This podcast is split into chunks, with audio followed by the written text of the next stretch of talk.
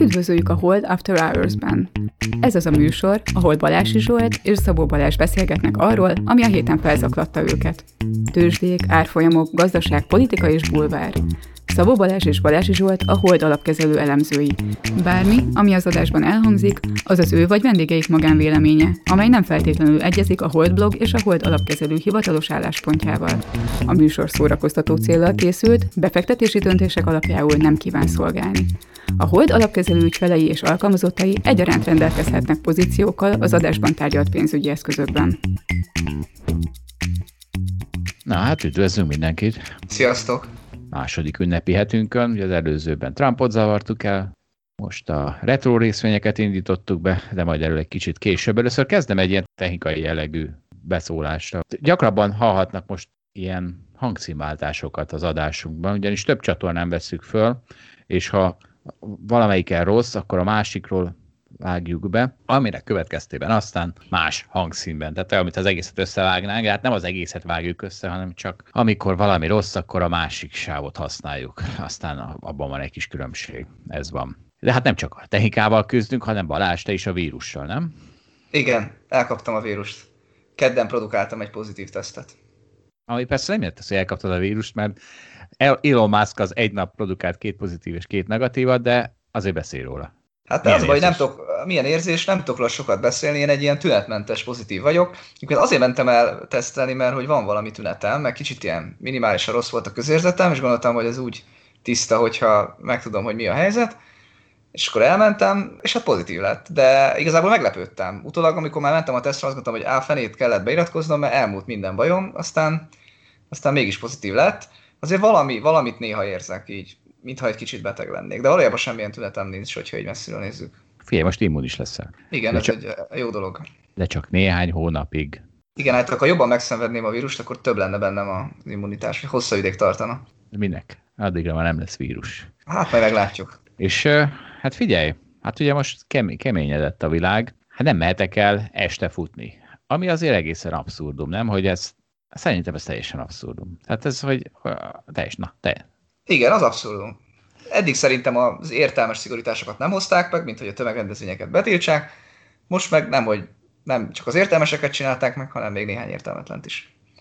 Azért el lehet menni, mert ugye a terepszíni ruhába mész, akkor ha csak nem ö, hőkamerás műholddal követik a lépteidet, akkor azért nem fognak kiszúrni szerintem. Én egyébként azt gondolom, hogy be kell tartani ezeket a szabályokat is, amelyekkel nem értünk egyet. Így lesz jó összességében a társadalomnak. Mit gondolsz? Hát jó, akkor erre mondok egy Mérő László idézetet, erre azt, aki azt mondta, hogy azért a társadalomnak úgy jó, hogyha az 5%-a a szabályceg úgy optimális. Mire alapozza, főleg ilyen dolgokban? Hát a, piroson, a piroson is jó, ha átmegy 5%? Hát persze, hogy jó, hogy össze átmegy 5%. Hát a piros, pirosan ugye a legegyértelműbb, hogy pirosan átmenni tudatosan, az sokkal biztonságosabb, mint zöldön átmenni tudatosan. Figyelj, ezek kiborítanak ezzel a mondattal? Csak itt nem, tesz. nem, nem, nem, mert akkor biztos odafigyelsz, ez van mögötte, igaz? Igen, igen, persze. Hát ugye amikor zöldön mész át, akkor jó, megjátszod azt a elég nagy esélyt, hogy a forgalomban mindenki figyel, senki nem aludt el a volánnál, senki nem akar öngyilkos lenni, senki nem tökrészeg, és az egy elég nagy esély, de hát nekem ahány ilyen karambolom volt eddig, az mindig az volt, hogy valaki nem adta meg nekem a elsőbséget, magyarul amikor én mentem át a zöldön. Amikor pirosra mentem át, akkor soha nem volt olyan, hogy neki mennék valakinek, mert akkor aztán jó körülnézel, az biztos, még azt is megnézed, hogy nincs a környéken rendőr. De nem adták meg az elsőbséget, akkor sem ment át valószínűleg. Autóval más átmenni, és piroson, mi gyalog. Nem, én most autóról beszélek. Ja, jó. Gyalog, hát gyalogon hát ott az 5% sem éri meg. Dehogy Azt nem. gondolnám. Jó, hát, oké. Okay. De várjál, de nem, hát, de, hát dehogy nem. Hát pont erről kell vitatkozni. Az ilyenek, ilyen dolgokat kell átfordítani az emberek fejében. Tehát, hogy ugye azt hiszed, hogy pirosan átmenni az, az, a, az a halálos ítélet, pedig nem, mert hiszen körülnézel, és ugye ilyenkor semmi más nem csinálsz, mint stop táblaként kezeled a piros lámpát, és hát a stop táblán is át tudsz venni. Mit csinálsz? Megállsz, körülnézel, nem jön semmi, átmész. Ugye az a piros, az piros csúcsforgalomban is, meg piros éjjel kettőkor, meg piros most, amikor mindenkit hazazavartak, és ha kimész, akkor azt látod, hogy nulla autó van, de a lámpák lelkesen mutatják a piros-sárga-zöldet, mint hogyha lennének autók. Hát és akkor milyen hülyeség ott állni egy tök üres kerületben, egy piros lámpánál, és hogy ugye ez mennyire megszokás kérdése, tehát ha azt mondom, hogy az Egyesült Államokban, meg Lengyelországban ott az a szabály, a piros lámpa azt jelenti az autósok számára, hogy jobbra nyugodtan kanyarodhatnak. Külön tiltva van néhány kereszteződésben, hogyha az annyira komplikált kereszteződés, hogy akkor ott nem lehet, de amúgy az a az az alapvető hozzáállás, hogy nyugodtan pirosan átmehetsz, jobbra kisívben kifordulni, hiszen borzasztó egyszerű megítélni, hogy az a balról abban a sávban éppen érkezik-e valaki vagy sem. Pont mi, ugye a stop táblát is megoldod. Akkor a piros lámpán való átkerést is megoldod. Ez van mögötte. Nem tudom, én azért nem mennék át a piroson, mert egyrészt még továbbra is azt gondolom, hogy a társadalmi jó, hogyha betartjuk a a, a szabályokat, mert a többiek tudnak hozzád igazodni, másrészt meg félnék a komplikált kereszteződést, hogy észre veszem, hogy az a kereszteződés egyébként komplikált, és valamit nem mértem fel. De hát Balázs, hát azért van, van olyan kereszteződés. Van olyan, ahol nem méret föl, Na, vagy valahol, valahol felméret könnyen, van, ahol meg nem. Hát ott nem mész át, ilyen egyszerű. Van ezzel kapcsolatban egy jó elmélet. Tehát a Kressz nem azért van, hogy betartsuk, hanem a Kressz azért van, hogy optimalizáljon, aközt, hogy, aközt, hogy minél gyorsabb és kényelmesebb legyen a közlekedés, illetve minél biztonságosabb. És ugye itt próbálja megtalálni a lehető legjobb balanszt, mert ugye mi történik? Megtehetnénk azt, hogy leszerelünk minden táblát és minden lámpát, és akkor az fog történni, hogy mindenki oda megy a keresztező szélére, körülnéz alaposan, és aztán szép lassan átmegy, akkor nulla, valószínűleg nulla ö, baleset lenne, csak borzasztó lassú lenne a közlekedés, és borzasztó macerás. Tehát ebben segít a Kressz, hogy ne ilyen legyen a közlekedés. A másik lehetőség pedig, amit most ugye csinálnak Skandináviában, meg Budapesten is akarnak csinálni, hogy a, a sebességhatárt leviszik. Nem 50, hanem 30 városon belül, és hozzáteszem, hogy a városon kívül meg 50 a legnagyobb sebességhatár, akkor megint ott tartunk, hogy senki nem fog meghalni az égvilágon, pláne ha ezt minden második sarkon trafipaxa be is tartatjuk. Tehát ugye két verziót is tudok mondani, amivel sokkal biztonságosabb lesz a közlekedés, de hát leszarjuk, és évente feláldoz mondjuk Európa 25-30 ezer embert, azért, hogy mi többiek kényelmesebben és gyorsabban célba érjünk. Tehát nem, a Kressz cél nem az, hogy betartsuk, hanem hogy optimalizáljon, és pont ebben az optimalizálásban az, hogy te olyankor, amikor tök egyértelmű, hogy itt ez csak gátolja a társadalmat, ennek a piros lámpának a betartása, ott esetleg nem tartod be. És erre utalt Mérő László is. Tehát a Mérő László, amikor azt mondja, hogy a társadalomnak úgy optimális az 5 nem tartja be a szabályokat, akkor erre gondol. Értem. És akkor, ja, elfelejtettem, van még egy technikai jellegű közlendőnk, hogy két hete beszéltünk a Deep Value alapunkról, és egy hallgató szólt, hogy hát végül a, a, meggyőztem a Balást a hülyeségről, mert valóban nem, nem a vásárlás után 5 évig kell tartani, ami a logikus lenne, hanem technikai okok miatt valóban csak 2024-ig kell bár tartani bárkinek, aki megveszi, úgyhogy most már csak négy évig. Hát ez van. Igen. És hát igen, ez azért fontos, mert mindketten befektetők vagyunk ráadásul, nem igaz? Ja, így van. Na jó, de hát nem a, hát igen, nem a alap vételének a technikáját ismerjük, de azért, azért, azért az amatőr dolog, nem? Tehát, hogy itt bemondjuk a műsorba, aztán nem tudjuk. De tudod, mi lenne ennél amatőrebb? Mi lenne? Hát az, hogyha bemondanánk, hogy amióta beszéltünk róla, azóta 10%-ot emelkedett. Mert ez ugye a lehúzós broker módszere, hogy, hogy ajánlom az ügyfelének, és aztán, hogyha jól sikerül, akkor gyorsan újra hívja, hogy na, ugye, ugye, hogy, meg, hogy megmondtam? Azt na. hittem a piacok később jönnek, de valóban 10%-ot emelkedett. Szerintem még többet is. É, egy kicsit később jönnek a piacok, mert hát azért figyelj, bénáztunk mi is, de hát, ne, de hát ez az elmúlt hét, azért ez nem, ez nem a mi álmokfutásunkról szól, és nem szeretnék belemenni, tehát a, a, a kormány elmúlt heti tevékenységébe, se járvány, se hatalomtechnikai oldalon, de hát figyelj, ha ezek után, ami itt most folyik Magyarországon, ezekben a te, ezeken a területeken, valaki azt mondja, hogy miért Marx, hogy több államot, hát ne arra de hát azt, azt sajnos azt hülyének kell, hogy tituláljam, vagy hát biztos a norvég államra gondol, de hát ezt már megbeszéltük. Ezt meg, ezt most ne nyissuk ki. És volt, hát volt most elég dolog a, a héten. Igen, igen, de figyelj, azért volt... Biden-en át a részvények óriási emelkedéséig. Focival ne idegesíts, ez egy később jön. De figyelj, de azért volt, tehát azért az egy eredmény, nem? Hogy a Bloombergen a három legolvasottabb cikk az, a, az az, hogy a magyar kormány, hogy mit, tudom, mit művel a legis, leg, mit művel a törvényhozással, mit csinál a, a, a alaptörvény és így tovább. Tehát, tehát az, hogy a háromból három legolvasottabb cikk az a Magyarország, hát azért bármelyik Insta celeb erre nagyon büszke lenne szerintem. Így van, így van. Majd belinkeljük azt a uh, screenshotot, ami ezt mutatja. És tudod, mi az érdekes? Azért az egy, egy, egy aspektusával foglalkozunk, mert ez szerintem ez tök érdekes. Ugye, hát Parrag László, mondjuk úgy, hogy Parrag László azt mondta, hogy hát egy évre föl kellene függeszteni az iparűzési adót, És hát ugye akkor ehhez hozzáfűzzük, ahogy Radnai Károly beszélt róla, hogy az iparőzési adó az egy, az egy óriási bevétel, és pláne ugye mi a jellegzetessége? Nem, az áll, nem a központi állami, hanem a önkormányzati bevétel.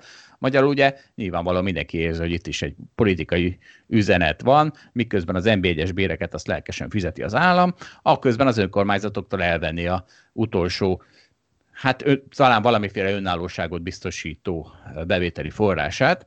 És ezzel kapcsolatban írtam egy cikket, valamikor 2019-ben írhattam, mert 2018-as benne az utolsó adat, ami arról szólt, hogy 2007-ben a magyar állam a GDP 50%, tehát a magyar, a magyar állam, a központi költségvetés a GDP 50%-a volt 2007-ben, és 11 évvel később, 2018-ban ez lecsökken 49-re, ami derék, egy ideig emelkedett, és aztán 2015-16 tájékán volt a tetején 52% körül, de most arra csökken 49-re. Azonban ez a 49, ez még régióban, a régióban még mindig a legmagasabb. Tehát itt osztja el az állam a, a gazdaság legnagyobb részét a régióból nézve, és ez nagyobb, mint az EU 28 átlaga is, mert az 47 százalék, és Európában a legmagasabb Franciaországban 56 százalék, mondjuk Svédországban is csak 50 százalék. És az az érdekes, hogy miközben Magyarország a régióban a legnagyobb részét osztja el, miközben a korrupciós indexekben ugye a egyik legrosszabbul ö, helyezkedik el, azonban ráadásul az önkormányzati költségvetés pedig itt a legalacsonyabb.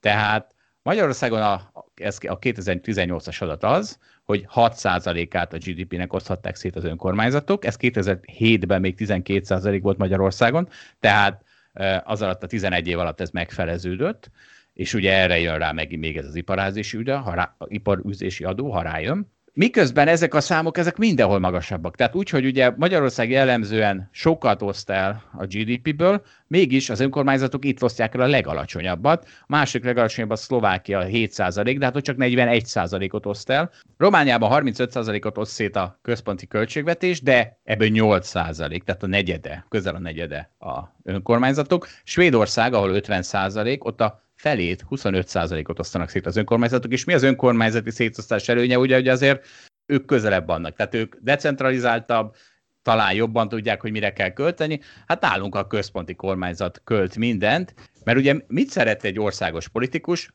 mondjuk úgy egy hatalományos országos politikus, amelyik a ország határból ö, szívja a hatalmát, azt szeretné, hogyha se a feje fölött, tehát supranacionális szervezetekben, mint EU, vagy mint mondjuk a, a, a határon túlnyúló civil szervezetek, tehát hogy sehol ne korlátozzák a hatalmát azáltal, hogy a feje fölött születnek döntések, de azt se szereti, hogyha decentralizáltabb döntések születnek, tehát ugye például önálló önkormányzatok, vagy, de még egy önálló iskola is ilyen, azt se szereti, hogyha egy igazgató eldönti, hogy miből tanítson, vagy hogy milyen eszközöket szerezzen be.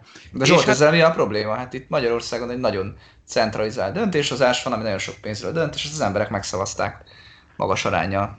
Hát ez önmagában probléma. Tehát csak én itt most csak Ha nagyon jól hogy... dönt a központ, akkor mi a probléma? jó, oké. Okay. Uh, jó. Hát nem, most ne, nem arról beszéltem, hanem csak számokat szállítottam emögé az érzés mögé, hogy itt Magyarországon mennyire központilag akarnak mindent eldönteni. Hát most szállítottam hozzá a számokat, és szerintem ez tök érdekes, hogy ez mennyire... Nem, ez abszolút így van, ugye van ez a szubszidiaritás elve, hogy azért jobb alacsonyabb szinten dönteni, mondjuk egy önkormányzat sokszor azért dönt jobban mint hogyha az állam megy oda arra az adott területre és dönt ott, mert egyszerűen több a tudása. Közelebb van, jobban érti, hogy ott mire van szükség az embereknek, ezért érdemes önkormányzatokat fenntartani. Egyébként valóban Magyarország szerintem is iszonyatosan kiugró ebből a szempontból. Jó van, mondjak egy felháborító mondatot? Mondj mindenképpen. Ugyanis az egyik hallgatónk, akit az előbb idéztél, azt is írta, hogy nem volt felháborodva az adásaink után, úgyhogy Nem, kérlek. az egyik után. Az egyik után. Szerintem az ő is fel szokott lenni háborodva. Akkor jó, akkor jó. Mondok, már az előbb felháborítottam mondjuk úgy a szabálykövetőket, most akkor felháborítom az ország 97%-át, aki nagyon örült a tegnapi Magyar-Izland végeredménynek.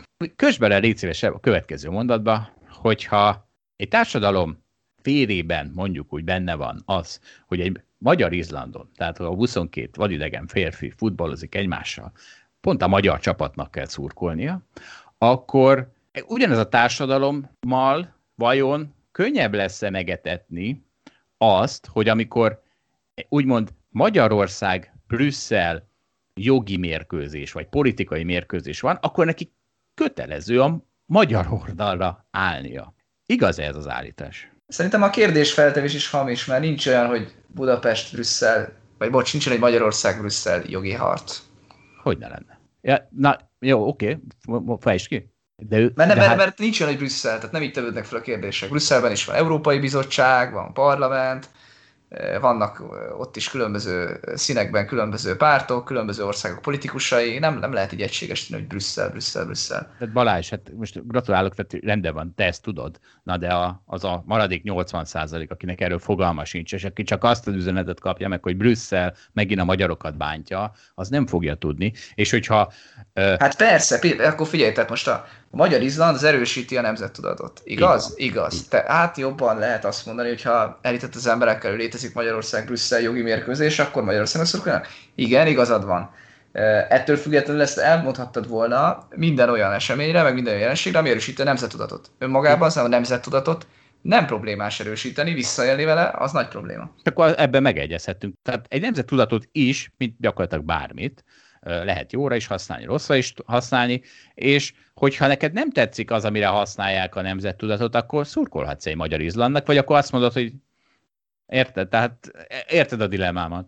Értem, de azért te is szurkoltál a magyaroknak tegnap este, nem? Nem, nem szurkoltam.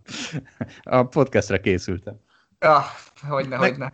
Én annyira szurkoltam, hogy még a barátnőmet is megpróbáltam magam mellé ültetni, és nagy siker volt, mert pont a végére sikerült odaülnie, és nagyon élvezte. É, mondd neki, hogy akkor ezzel hozzájárul a, az, ahhoz, hogy Brü- amikor Brüsszel megpróbálja a korrupciót visszaszorítani Magyarországon, akkor kudarcra van ítélve. Mindenképpen mondani fogom neki. Jól van. Ja, és na figyelj, már közeledünk a piacokhoz. A múlt héten beszélgettünk, akkor ma visszahallgattam, akkor csapott meg, hogy akkor ezt elfelejtettem erre lecsapni, mert ez nagyon érdekes. Ugye múlt héten beszélgettünk arról, és te, te ecsetelted, hogy az történt, hogy a Trump-Biden párharc, ugye amikor fölébredtünk reggel, és akkor néztük, hogy, hogy épp Trump áll jól, és mindenki eltemette Biden-t, aztán elkezdett följönni, és mindezt előre lehetett volna tudni akkor, hogyha kellő fundamentális elemzéssel az ember utána megy annak, hogy a különböző államokban, különböző választókerületekben hogy gyűjtötték már be a szavazatokat, és honnan érkeznek még a szavazatok, és ugye tehát az egészet ezt föl lehetett volna göngyölni, hogyha valaki ezt tudja, hogy itt ennek most ilyen óriási piacbefolyásoló hatása lesz, ennek a tudásnak. Tehát ugye arról beszélek, hogy ha azokban az államokban, ahol a levélszavazatok meg a városi szavazatok még nem jöttek be, és Biden rosszul áll, az nem probléma, annak ellenére sem, hogy volt, ahol Trump már úgy tűnt, hogy megnyeri, tehát hogy tudod, miről beszélek, nem a szavazat? Persze, abszolút, abszolút, és válaszolni is akarok, hogy én nem értem, hogy ezt valahogy a, a tőzsde hogy nézte be. Mert azt, hogy én benézem, én nem értek az amerikai politikához, hát gondoltam pont úgy lesz a Michiganben, meg a Wisconsinban, mint Floridában, hogy majd a végén jön fel a Trump, ugye ott, de aki tényleg, aki, aki értette, ez biztos tudta, hogy azt még nem számolták össze, és a tőzsde is, ha megnézed az euró-USD árfolyamát, ugye akkor gyengül a dollár, amikor a Biden nyer, és akkor, akkor erősödik, amikor a Trump, az gyakorlatilag ugyanúgy viselkedett, mint amit én gondoltam laikusként, pedig tényleg ezt úgymond fundamentális elemzés lehet, hogy meg lehetett volna volna. Tehát lehet, hogy valaki nagyot tudott keresni. Igen, ilyen volt egyébként. A, a Brexit volt például ilyen, hogy volt, aki úgymond titkos felméréseket végzett, és ők tisztában voltak azzal, hogy valójában az, hogy a Brexit szavazás az átmegy, és megszavazzák a Brexitet, annak óriási az esélye. Sőt, az a valószínűbb. Ugyanis volt abban egy olyan gigszer, hogy az szokott lenni, hogy megnézik, hogy hányan fogadnak melyik esetre, és sokkal nagyobb mennyiségű pénz érkezett a, arra, hogy nem, nem lesz Brexit, és ebből visszaszámolták, ahogy mindig szokták azt, hogy tehát akkor úgy, mert kik, kik fogadnak, a szavazók fogadnak, tehát akkor ez azt indikálja, hogy igen, a Brexitre nem szavazók lesznek többen, hiszen arra fogadnak többen. Azonban a, utólag kiderült, hogy ez azért nem igaz, mert kik azok, akik a Brexit ellen akartak szavazni, és így fogadni, azok, azok a, a városi lakosság, például a City az teljes egészében rühelte ezt a Brexit dolgot. Tehát a, a, mondhatjuk úgy, hogy a vagyonosabb rétegek is a Brexit ellen voltak, akik sokkal többet tudnak fogadni. Ugye még ez egy Liverpool-Manchester fogadásnál ez nem igaz, mert hasonló vagyoni helyzetű emberek fogadnak mind a két csapatra, Addig itt viszont ez élesen elkülönült, és ezért aztán hogy az, hogy melyikre mekkora mennyiségű pénz érkezett, az nem prediktálta a kimentelt, mert hogyha megnézted volna, akkor azt láttad volna, hogy lehet, hogy az egyikre, mit tudom én, most hajtsban mondom a számokat, 100 millió font érkezett, a másikra meg csak 1 millió font érkezett, de a 100 millió fontot azt az 10 ezer ember rakta föl, az 1 millió fontot pedig 400 ezer ember. Tehát, és akkor innentől kezdve már megfordul ez az esély, mert hiszen a szavazáson aztán mindenkinek egy, egy szavazata van, és a Brexit is egy ilyen volt. Tehát nem csak ez az amerikai választás, hanem például a Brexit. Az a baj ezzel a fundamentális elemzéssel, hogy nagyon sokszor nem tudod, hogy mit kell fundamentálisan elemezni.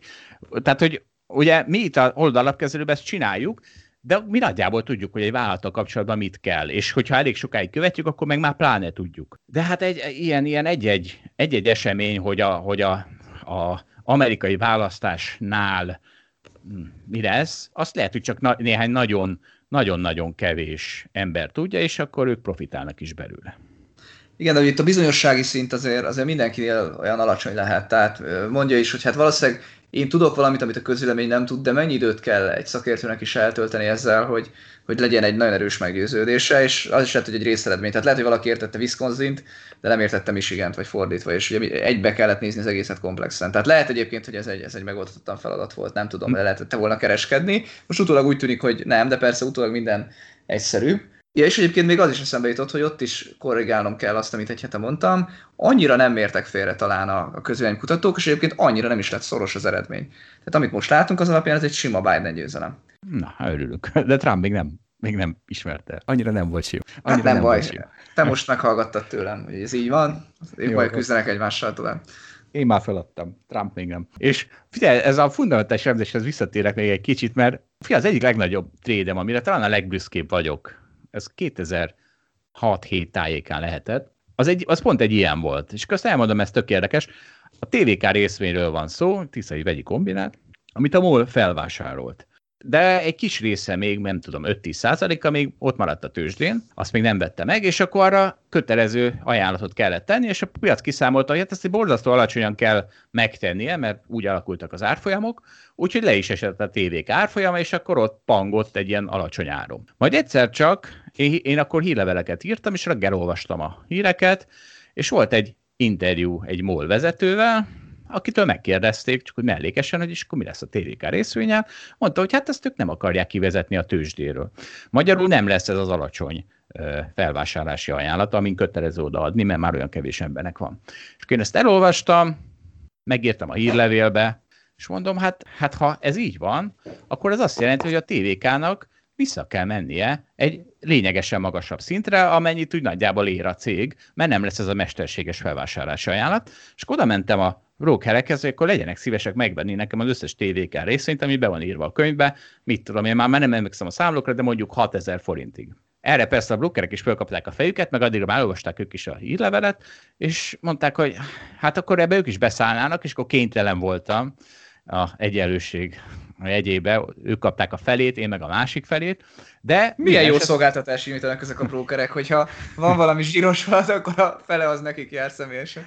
Jó, ezeket ismerős, tehát ott egymás mellett ültünk, tehát ezek olyan ja, brókerek. Jó, akkor kicsit más, különben elég erős a történet.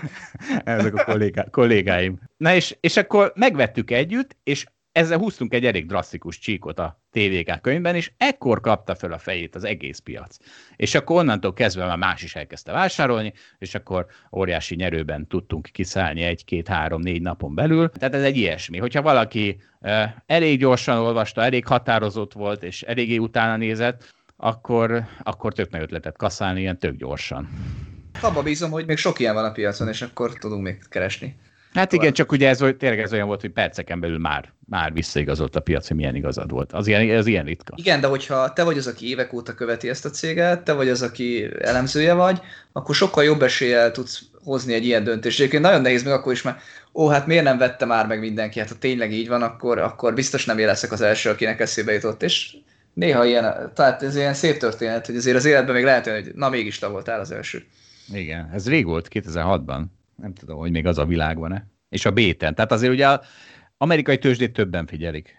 Hát gondolom, hogy igen, nem az amerikai tőzsdé lehet ilyet találni, de az európai tőzsdékkel még lehet ilyen. Na hát, szóval a fundamentális elemzésnek is megvannak az erőnyei. Ugye ez a value versus growth sztori is egy, egy fundamentális sztori elemzés, amiről ugye már jó régóta beszélgettünk, de most akkor ezen a héten megindult, mert ugye a Pfizer kijött a vakcinája hírével, hogy 90% mindenki megőrült, a hétfő egy borzasztó nagy value felül teljesítő nap volt, és, és akkor hadd mondjak még itt a felvezetésként egy nagyon érdekes, tipikus állami twittet, ahogy Trump egy, nem is Pence, ugye az alelnök közölte, hogy na tessék, itt a Pfizer, ami a mi pénzünkből föltalálta a vakcinát, mert a Operation Warp Speed, amikor a, az amerikai kormány kinyomott rengeteg pénzt a különböző gyógyszerkutatóknak, hogy minél gyorsabban menjen ez a vakcinakutatás, hogy ez annak az eredmény, és akkor a Pfizer visszaírt, hogy hát ha Egyrészt ezt Németországban kutattuk,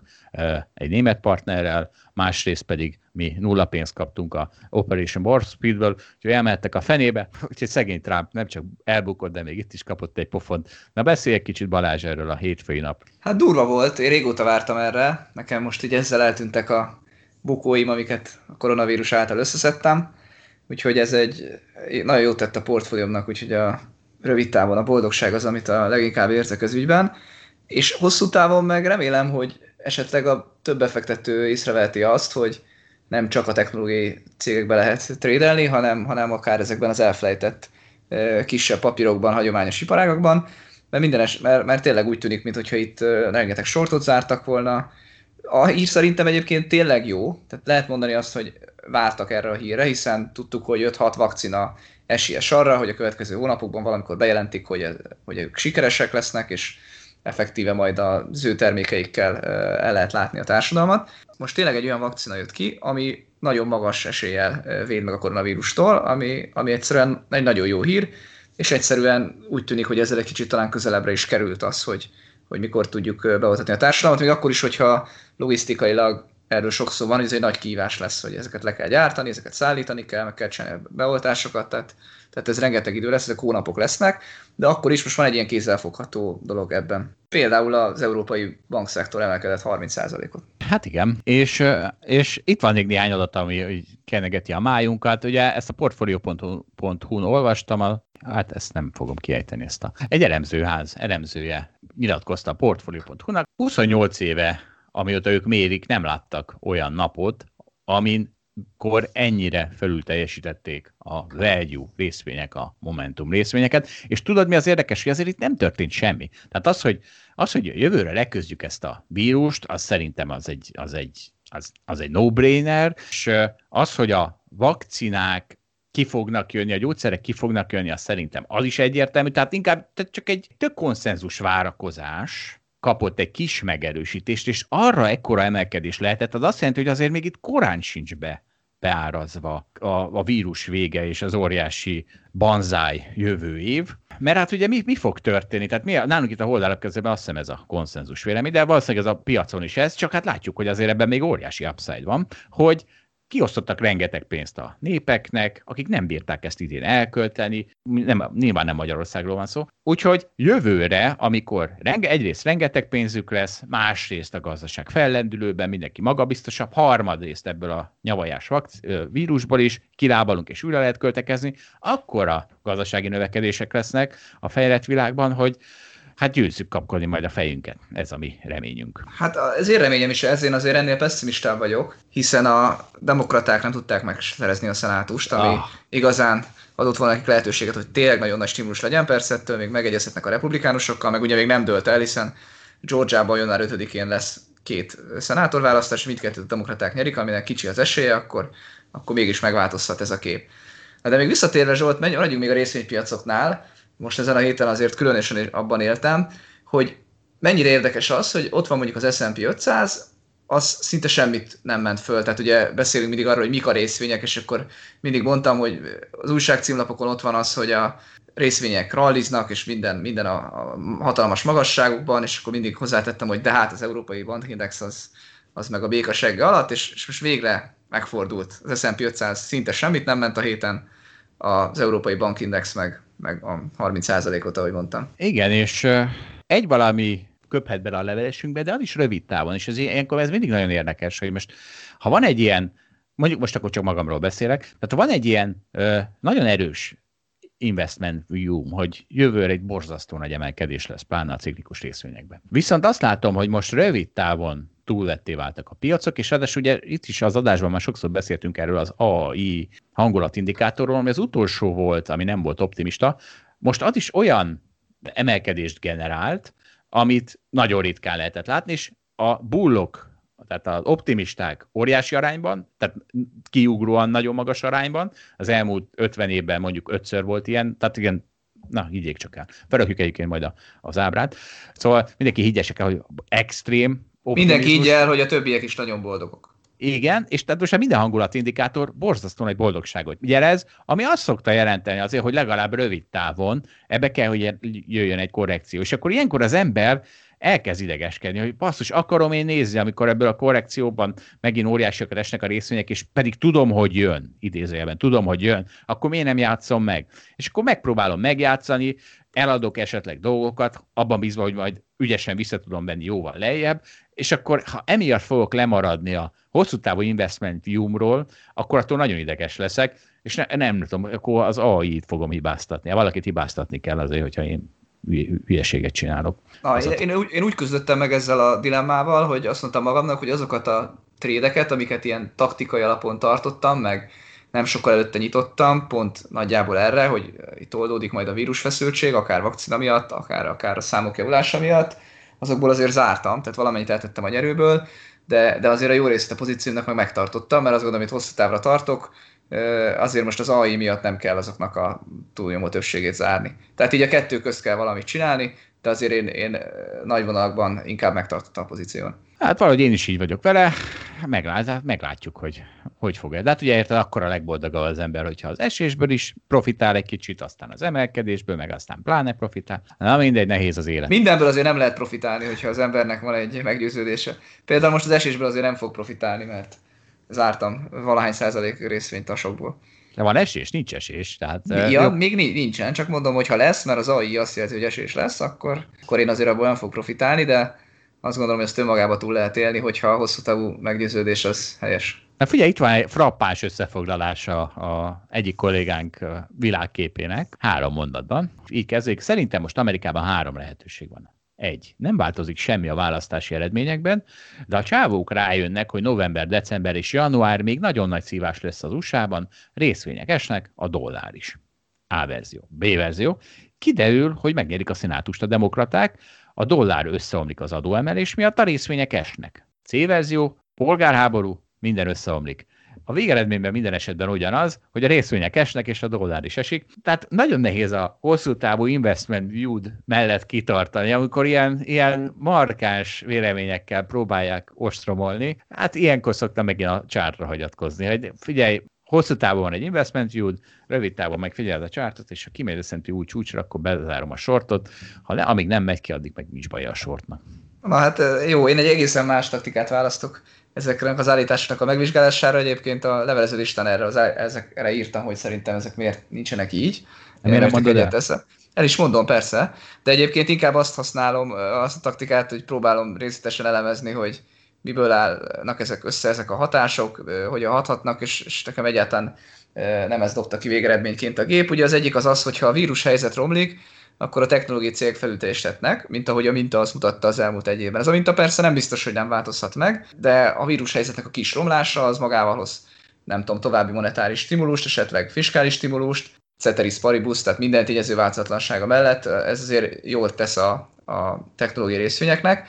Úgyhogy egyrészt itt van ez a lehetőség, és ha pedig a demokraták második esetben megnyerik a szenátust, akkor valószínűleg egy jóval nagyobb fiskális stimulus jön, arra sem mondanám egyértelmű, hogy rosszabb a részvényeknek, Úgyhogy legalábbis attól függ a részvények melyik csoportjának. Egyszerűen nagyon fontos megkülönböztetni a technológiai és, a, és az ilyen technológiai meg hagyományos iparágbeli részvényeket, ezek teljesen másképp viselkednek ezeknek a, ezekre a hatásokra. Úgyhogy szerintem nehéz kitalálni a részvénypiacoknak az arányát. Kivéve a polgárháború. A polgárháborúnál egyet értünk, igen. Az mindenkinek rossz. Bár kivétel egyébként az olyan országoknál, mint nem tudom, Japán, amikor azt hiszem kilőtték Észak-Koreából a rakétát, és Japán ilyen beerősödik. Mert annyira menekülő deviza, hogy hogy ott, ott, ott bármi gond van, akár az országon belül, akkor a Japán az arra is csak erősödik, mert oda menekülnek, hiába ott a probléma. Most ez egy kis túlzás volt, de, de akár lehet ilyen is, tehát a pánik esetén a dollár is abszolút erősödhet, még mindig az a világpénz, visszavonulnak a, a világból mások, tehát a, a dollár gyengülés sem ennyire egyértelmű nyilvánvalóan. Na, a japán akkor volt a legdurvább, hogy erősödött, amikor Fukushima volt. És már arról szóltak a hírek, hogy esetleg Tokiót ki kell üríteni. Ja, ilyen meg erősödött, mint a fene. Tehát az azért tényleg, tényleg durva volt. Hát baj volt, baj volt Tokióban, úgyhogy Japánba kellett menekülni. Tehát és amit én nem értem, tehát itt a holdelepkezőben szerintem ugye még mindig a hipohonderek vannak túlsúlyban, és ezért még mindig, ez még mindig uh, issue, hogy megijednek a vírus. És én ezt nem értem. Tehát már négy vakcina van mindjárt a küszöbön, pontosan tudjuk, hogy milyen könnyedén kezelhető, egy kis odafigyeléssel, ami Magyarországnak nem sikerült.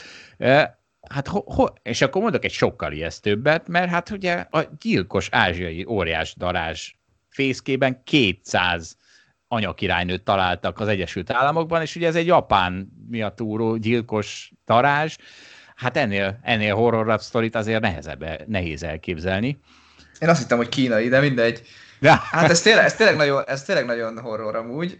Én, én azért azt hozzátenném, hogy az alapkezelő belül Zsolt meg én vagyunk az optimistábbak a részvényekre, és tényleg az van, hogy mi nem gondoljuk azt, hogy a víruson most már ne nézne át a piac, vagy ne nézhetne át, mások másképp gondolják, azért én nem gondolom, hogy lehetne igazuk. Igen, csak én nekem az az érzésem, hogy a saját aggodalmai, vírus aggodalmaikat vetítik ki a piacra ilyenkor, de hát nem, nyilván nem tudom, csak ez az érzésem. És tudod, miért érdekes ez? Mert, mit, mert ugye márciusban a vírusra miket lehetett hallani, és akkor azt kivetítem a killer darazsakra, hogy mi van, ha mutálódnak. Ugye hát ott van 200 anyakirálynő, vagy mi a túró, és ha még mutálódnak vérmedvévé, akkor mi a? Akkor mi lesz? Szóval... Akkor nagyon nagy baj lesz, igen. Hát Zsolt, erről nekem a Dán nyércek jutnak eszembe, akiket most szegényeket ki kellett írtani mindannyiukat, mert hogy ha ők terjesztik a vírust, és azt ráadásul a mutálódott formában adják át, akkor az, az nagy veszélyt jelent. Hát egyébként tényleg ak- akkor azért összezuhannék lelkileg, hogyha kiderülne, hogy a nyírceken keresztül visszajön egy vírus, ami másmilyen, arra nem jó a vakcina, és akkor indul az egész előről. Ezt dramaturgiailag nagyon rosszul fogalmaztad. A dániai nyércek vírusá mutálódtak, és rávetik magukat az emberiségre. Ezt így mondaná egy rendes klikmédia. Lehet, hogy így mondaná. Egyébként ez a média, talán a 444-en olvastam ezt a cikket, ugye azt is írta, hogy a környezetvédők viszont üdvözölték ezt a hírt, hiszen végre a nyérceket nem fogják arra használni, hogy az emberek kabátot csináljanak belőlük maguknak. Hát igen, csak kiírtják mindet. Tehát, hogy, tehát és akkor visszaértünk a tehenek életéhez. De nem, de, a... nem, de nem tenyészted, és akkor nem, nem lesz, tehát hogy összességében így kevesebb nyérc születik és hal meg, hogyha ez a, ha ez a iparág mondjuk becsődöl. Tudod, csak azért a nyércet kérdeznek, hogy akkor most akkor mit szeretne. Ne Szerintem az... szegény nyérc lehet, hogy így is, is meghal, nem tudom.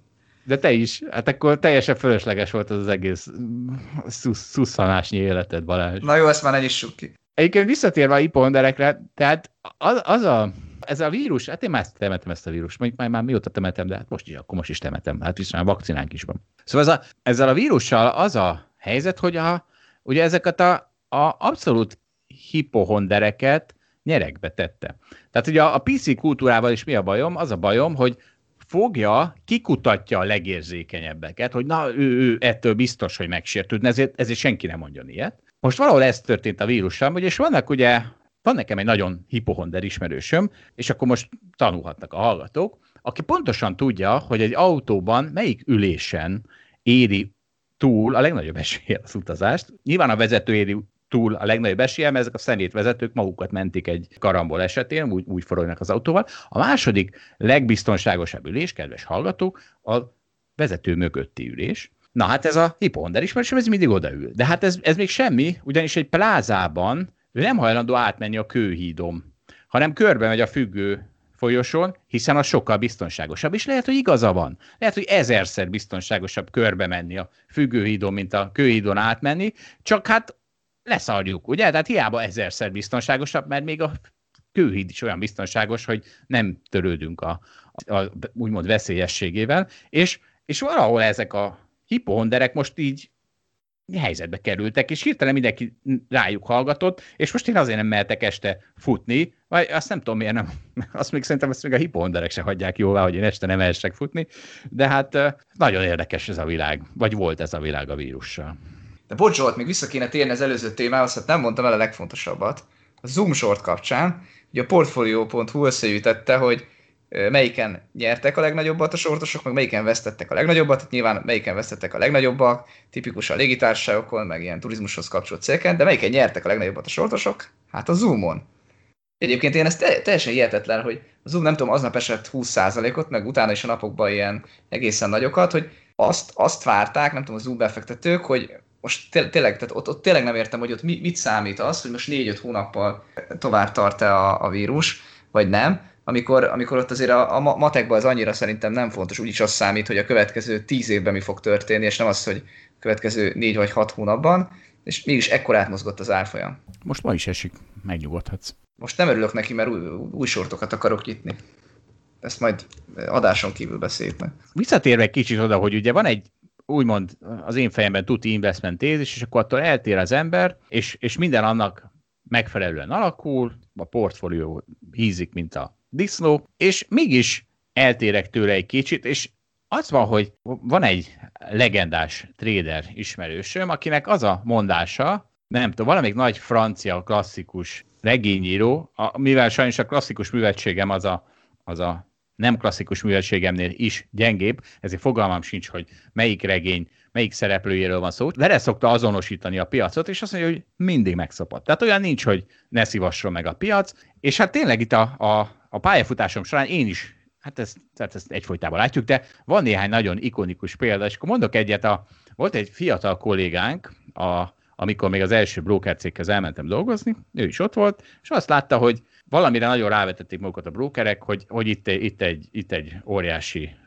nyerési lehetőség, gyors nyerési lehetőség, és akkor ő is beszállt, tő, nyilván tőkeáttétele hitelből, Beszállt, majd néhány perccel később ezt a részvényt felfüggesztették, esett 20%-ot, amikor kinyitott, ő pedig nem tudom már hány évi fizetésével hirtelen tartozott a broker cégnek. Tehát egész jól viselte, de hát és akkor így, így, így tengette ott az életét a, a broker cégben. Ő mondta egyszer, hogy miközben tett hogy talált egy ilyen, egy ilyen online tőzsdézési versenyt, és akkor mondta, hogy hát elindulok azon, hát abból nem lehet semmi bajom. És akkor ott volt ez a, legendás trader ismerősöm, és mondta neki, hogy Jaj, fiam, hát hogy ne lehetne bajod bele? Hát minden, minden befektetési döntésed zseniális lesz, és tényleg, és az, az olyan jól megfogja. Tehát olyan nincs, hogy a piac ne szopasson meg. Olyan nincs Balázs.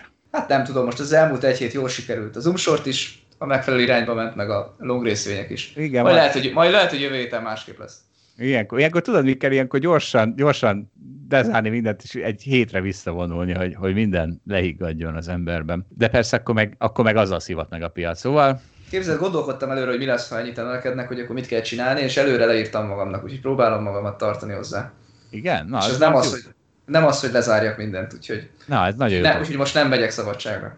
Ez a nagyon technika és taktika, és egyébként ez, ez a technikai elemzés lényege is. Tehát, hogy amikor azt mondod, hogy hova raksz be egy stop loss és berakod, és betartod, az pont ugye azt akarja kiküszöbölni, hogy az ember, ami, a, a tőzsde ez rohadt stresszes, és amikor az ember valami nagy nyeresség okozta eurofória, vagy valami nagy vesztesség okozta kilátástalanság hatása alatt kell még döntéseket is hoznia, hát az, az akkor meg tudja duplázni a bajt, és ezért ezért kell ezt előre megcsinálni, és valahol először a technikai elemzés, bár nem, persze nyilván nem, nem az kell, nem, nem az az egyetlen eszköz, ami használható. Nem tudom, hogy a Balázs miket írt le a kockás füzetébe, de tehát tényleg ez, ez egy kulcsa a tőzsdézésnek, az ember előre döntse el, hogy mi a francot fog csinálni, mert ott, amikor a pillanat helyében akár eufória az, akár bánat, sokkal rosszabb döntések fognak születni. Mondok egy példát, ami szerintem extrém durva volt ebben az évben. Az, ugye az olaj volt, a negatív olajár, Na, ott éreztem azt, hogy nem voltam benne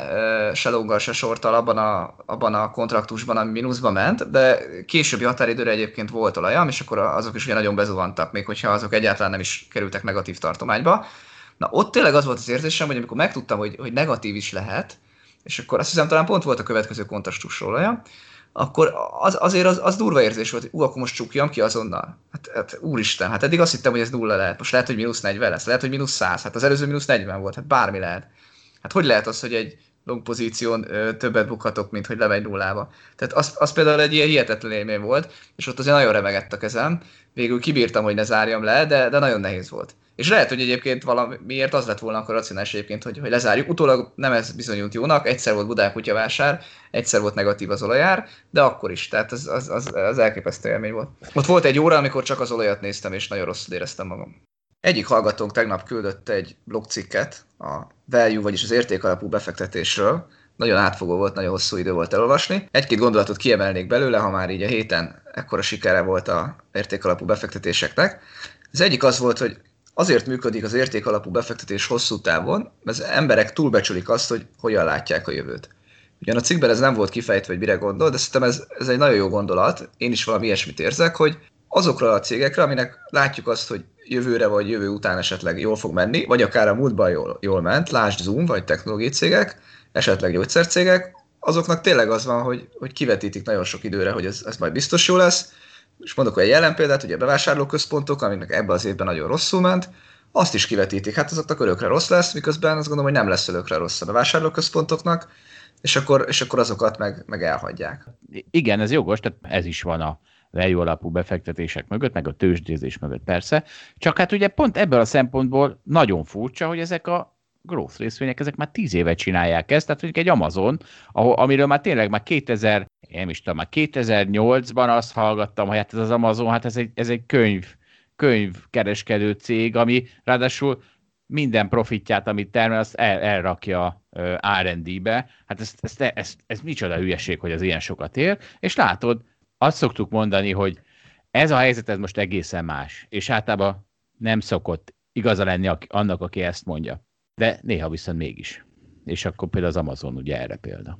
Az a jó ebbe a cikkben, hogy hoz néhány olyan érvet, ami kvantitatív alapokra épül, persze nem tudom, hogy pontosan eh, ki az, aki ezeket vizsgálta, de az, az, az, állítás van benne, hogy itt évtizedeket e, megvizsgáltak egymáshoz képest, és ez ebben az évtizedben is inkább az van, hogy nem a profit növekedése hozza a nagy felülteljesítését a növekedő cégek, a növekvő cégeknek, rossz részvényeknek, hanem sokkal inkább a szorzóknak a tágulása. Tehát egyrészt nyilván igaz az Amazonra, hogy egyre jobb profitokat fog csinálni, de mondjuk mondok egy másik példát, a Facebook meg a Google, ami szintén ugye növekszik, és, és egyre jobb profitokat csinál, ott valószínűleg már, már nem csak a profit növekedés az ami, az, ami húzza a részvényt, az is persze nagyon fontos, de a szorzók tágulása az legalább ennyire fontos. És ez egy, ez egy nagyon fontos kérdés, hogy a hit viszi, vagy, a, vagy csak a profit. És hogyha jobban viszi a hit, akkor esetleg nagyobb esély van arra, hogy rossz hangulat esetén ezek a dolgok elromlanak. Másik meg az, hogy mi a value és mi a growth. Most mindig ilyen statikusan beszélünk róla, hogy hát az Amazon ez egy growth részvény nyilván, meg a Facebook egy, egy growth részvény nyilván.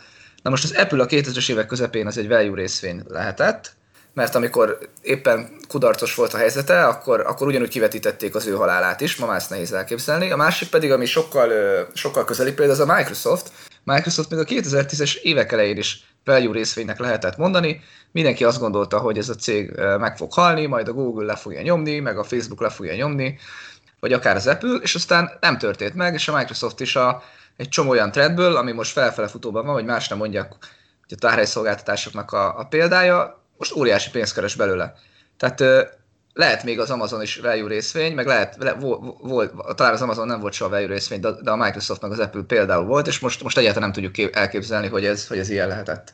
Vicces ez a Microsoft, ez, ezt minden, minden kosárba berakják. Az, előbb beszélgettünk arról, hogy, hogy egy ideig a Microsoft Internet Explorer-ét rettegték, és akkor ugye egyfajta Facebookként lehetett rá tekinteni, hiszen monopól helyzetbe kerül majd az internet browserek piacán, aztán most meg már beszéltünk róla, hogy már sehol sincs, viszont cserébe mégis rohadrága részvény. Hát érdekes. És még egy gondolat ebből a cikkből, ami nagyon kapcsolódik ide, az pedig az, hogy az utóbbi időben azt gondoljuk, hogy azok a vállalatok fognak valószínűleg bukni a jövőben reálgazdasági szempontból is, amelyeket ilyen értékalapú befektetésre hívunk, hiszen ezeket a hagyományos iparágakat meg fogják reformálni a technológiai cégek. Lásd, hogy a bankokat legyőzik a fintekek, a autóknál ott van a Tesla, ami önvezetést csinál, meg elektromos autót, olajcégekre majd valamiért nem lesz szükség, hiszen ezeket helyettesítjük megújuló energiával, tehát van egy csomó-csomó iparág, Amazon legyőzi a kiskereskedelmet, tudnék még csomó példát mondani, tehát szinte egyik hagyományos iparág sincsen biztonságban. Bevásárlóközpontokat is ugye az online győzi le.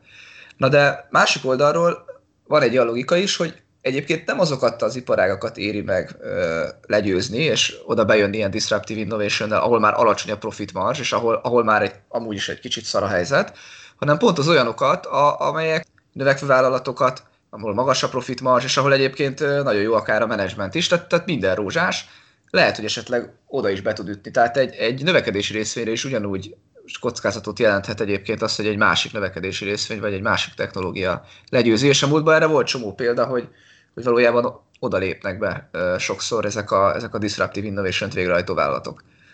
Csak, csak azt nem hívjuk disruptívnak. Ugye egy, egy forrongó iparágban nem nincs, amit disruptolsz.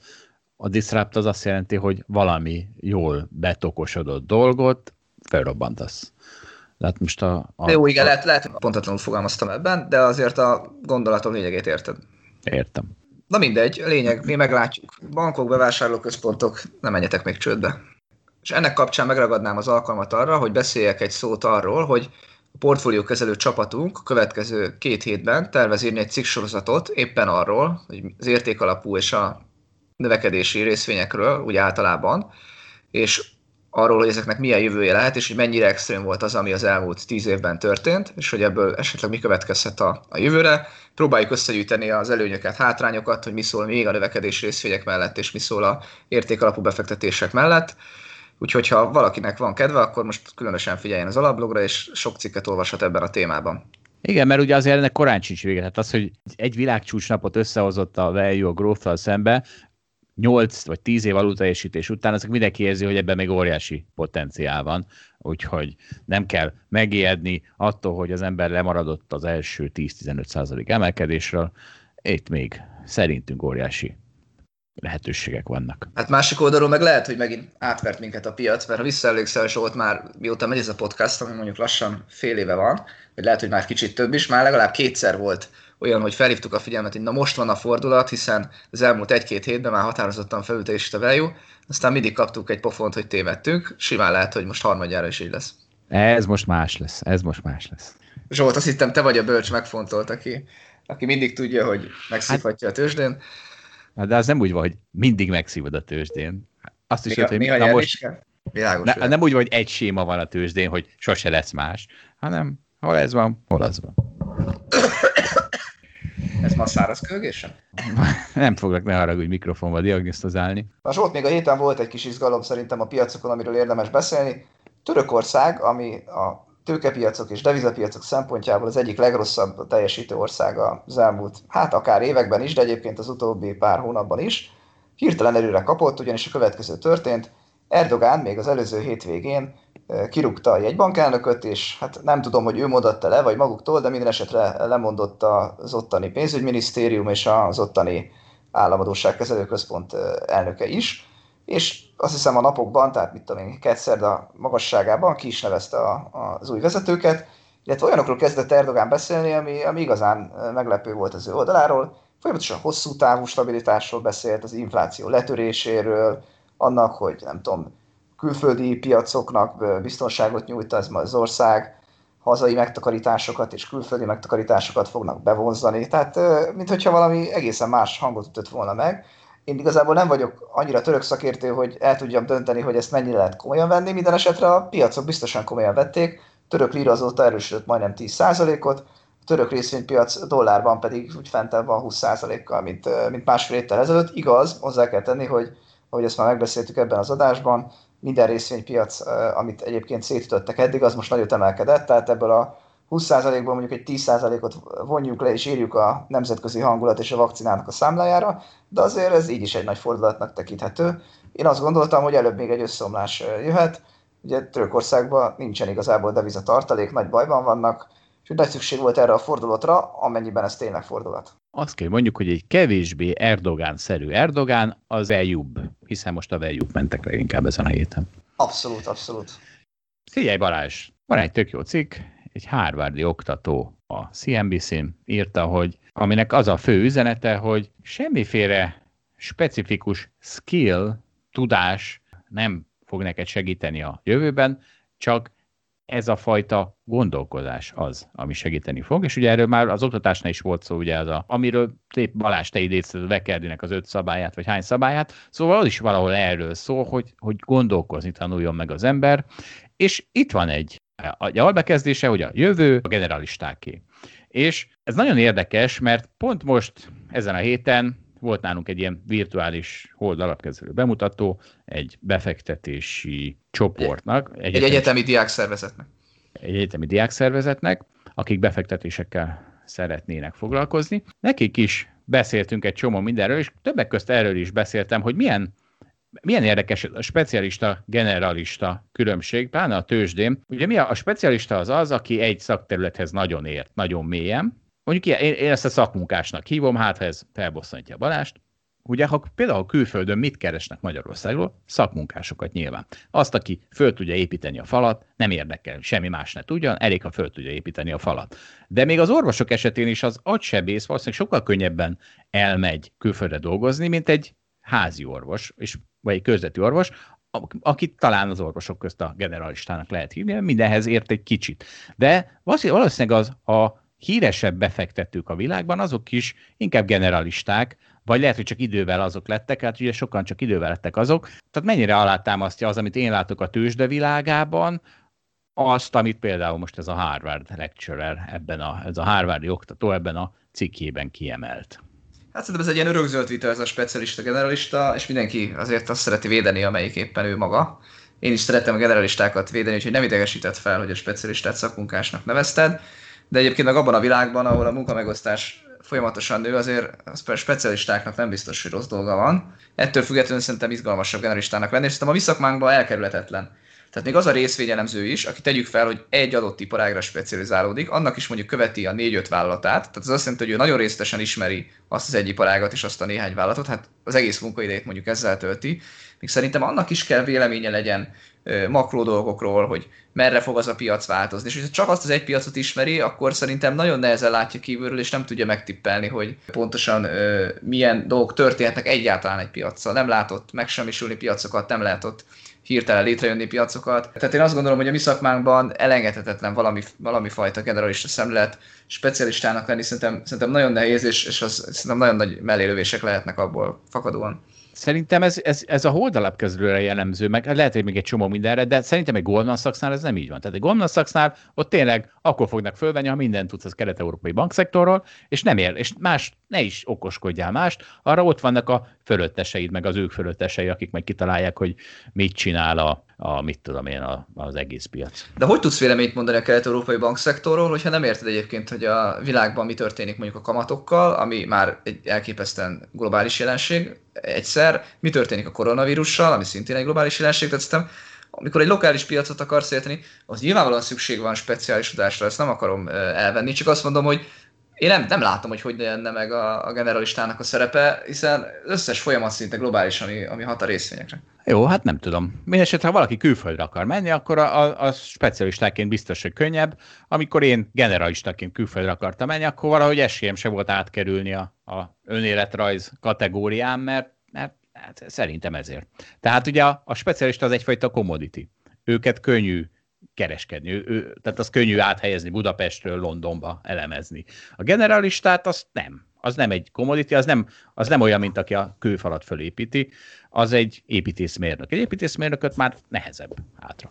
De azért én nem teljesen értek vele egyet, mert egy generalistánál is mondjuk egy portfóliókezelőnek nagyon jó a hozama, és azt mondja, hogy volt itt és itt egy ekkor alapom, és ilyen és ilyen hozamot csináltam, az szerintem egy érthető dolog, és ezt egy generalista szemléletű valaki csinálta. Tehát az, hogy eladható-e, az egy másik kérdés. Az lehet, hogy a te szívidbe ugye nem voltak pont olyan pontok, amiket érteni lehet külföldön pontosan, hogy mit csináltál, és az, hogy nem tudom, dolgoztál a Concordba, meg a oldalapkezelőbe, azt a Goldman Sachs nem becsülte meg eléggé. De lehet igazad van, tehát lehet, igen, valóban egy, a, ugye egy portfólió kezelés konkrétan az nagyon jól le sommázza azt a generalista képességeket, és ezért ez egy nagyon szerencsés pozíció, hogyha van egy alapod, amire azt mondhatod, hogy csak te kezelted, és ez a te érdemed, ez a hozam. Igen. E, Jó, hát ez, ez... Egy, ez egy példa volt, persze. Na nézzük, szembe jött velem egy tök érdekes ábra, kedvenc küzdelmedről szól, hogy hogy kell megregulázni a tech cégeket. Azt szeretné ábrázolni, hogy a Google-nek mekkora piaci részesedése van a különböző piacokon, majd felrakjuk ezt is az alablogra, és hát ugye a smartphone operációs rendszerben 85% részesedése van, a keresésben 92%, és amire én fölkaptam a fejemet, az a böngészők piaca, ahol már 66%, kétharmadnál jár a Chrome, ugye ez a Google-nek a böngészője, és nem is olyan régen, de elég régen, 20 éve, 15-20 éve. Arról ment a nyafogás, hogy a Microsoft, az a személy, a Windows-ba becsomagolja az Internet Explorer-t, és onnantól kezdve senkinek esélye sincs. Ugye? Már betörni a browser piacra, és hogy föl kell szabdalni a Microsoftot, meg ezt meg kell tiltani neki. Mintha megtiltották volna, de hát most is jön a Windows-zal az Internet Explorer, nem? Mint kiderült, ezt a piac simán megoldotta. Tehát tök simán megoldotta, jött egy Google, és szépen adott egy másik ö, böngészőt, és most már mindenki itt van, tessék. Most már azért nyafognak, hogy az Internet Explorernek milyen kicsi a részesedése. Hát itt az egyik monopólium azt tud versenyezni a másik monopóliumon, és akkor mindjárt nem monopóliumok, de azért mégis azt gondolom, hogy amikor két-három szereplős piac van, az simán lehet, hogy a monopóliumnak nem is hívhatod őket, de duopóliumnak igen, tehát nem versenyző piacok ezek azért annyira. Például azért nem jó arra, hogy azt, azt mondhassuk, hogy hú, itt még micsoda nagy verseny van. Jó, de szeretnéd, hogy 87 böngésző versenyezzen? És akkor nem az van, hogy bármelyik számítógéphez leülsz te, Szabó Balázs is mindegyiken Chrome-ban is pontosan tudod. Mert ugye ez a Microsoft egy óriási előnye a, a Word, meg az Office-nak, hogy, hogy minden titkán ő ismeri. És Jó, akkor, akkor ha oké, okay, rendben, és akkor Zsolt, nem szeretnéd, hogy a természetes monopóliumokat szabályozzuk, hogy ne keressenek rajtad végtelen profitot? De hát de hát nem keresnek. De, nem keresnek végtelen profitot? Szerinted milyen a Google-nek a profitrátája? Hány százalékra tippeled? És azt az... Segítek, nem, nem 3-5 százalék között kell keresni a megoldást. Ez igaz, csak hát ugye erre az a válaszom, ezt nem, én nem fizettem egy petákot se Google-nek, de nyilván igen, fizetek. Dehogy nem fizettél, nézed a reklámait, jó tudom, neked még adblockered is van, meg lehet, hogy előfizettél a Gmail-etre, hogy 100 GB legyen 15 helyett, ha nem, nem tudom, már megteted-e. Ó, ügyes vagy, hogy benne tudtál maradni a 15-ben. Mi, mi, mi, mi telik be? Mi telik be? Gmailnek a, vagy hát, tehát a tárhelyed a Google-nél. Töröd le a nagy leveleket. Nem töröd le. Fizettek, fizettek. Jó, de hát akkor veled van a baj, nem velem. Tehát évi, értem, évi 6000 forintba kerül, azt hiszem. Fölborítod a világomat azért, mert te fizetsz a Google-nek ilyen hülyeség miatt, hogy nem elég 15 terra 15 giga, hát a tere az elég lenne. Na mindegy. A francokat lenne elég, és akkor két év múlva nyafogná, hogy 15 terra mire elég az? 15 terra az végtelen volt. Ezerszer annyi, mint a 15 giga, nem? Hát, igen, az én, én rendszeremben az végtelennek számít. Ez, majd meghallgatlak két év múlva. Na hát figyelj, jöttek, jöttek a hallgatók is. Óriási kommentek vannak. Hát valaki megkérdezte, hogy mi van a Nio-val. Nem tudom, Balázs, te utána néztél? Tudod, mi az a Nio? Nem, nem. Én nem se, de nem, tehát sajnálom, kedves hallgatók, tehát rengeteg energia ez a podcast, nincs, nincs időnk minden lufinak utána nézni, hogy vajon az csak 80%-ig lufi, vagy 90%-ig lufi. Úgyhogy de a Neo-val... autógyártó, azt Nem néztem. tudom, de a Neo-val való küzdelemben, kedves hallgatók, egyedül hagyjuk önöket. Viszont amiben nem hagyjuk egyedül önöket, az, na tessék, hát itt egy másik üzenet. Két dolgot szűrtem le a műsorból, mondja a hallgató. Egy, mostanában az avokádok nyernek a tőzsdén, hát mostanában épp nem.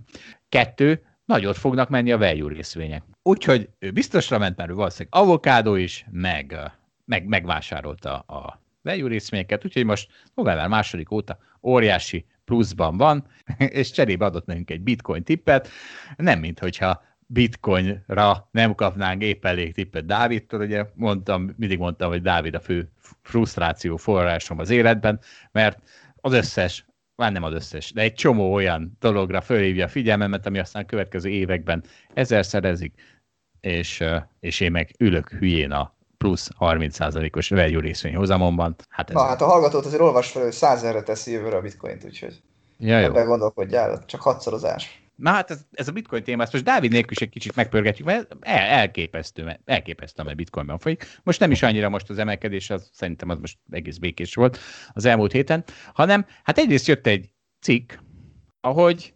Ausztráliában egy a falhoz állítottak egy, nem tudom, egy ilyen, tehát egy ilyen diák szövetség, mondjuk valami elnöki posztján levő embert, aki az idei karantén évben nem nagyon végezte a munkáját, és mondták neki, hogy te személyt fölvetted a évi 3000 dolláros fizetésed, és nem csináltál semmit, még a levelekre se válaszoltál.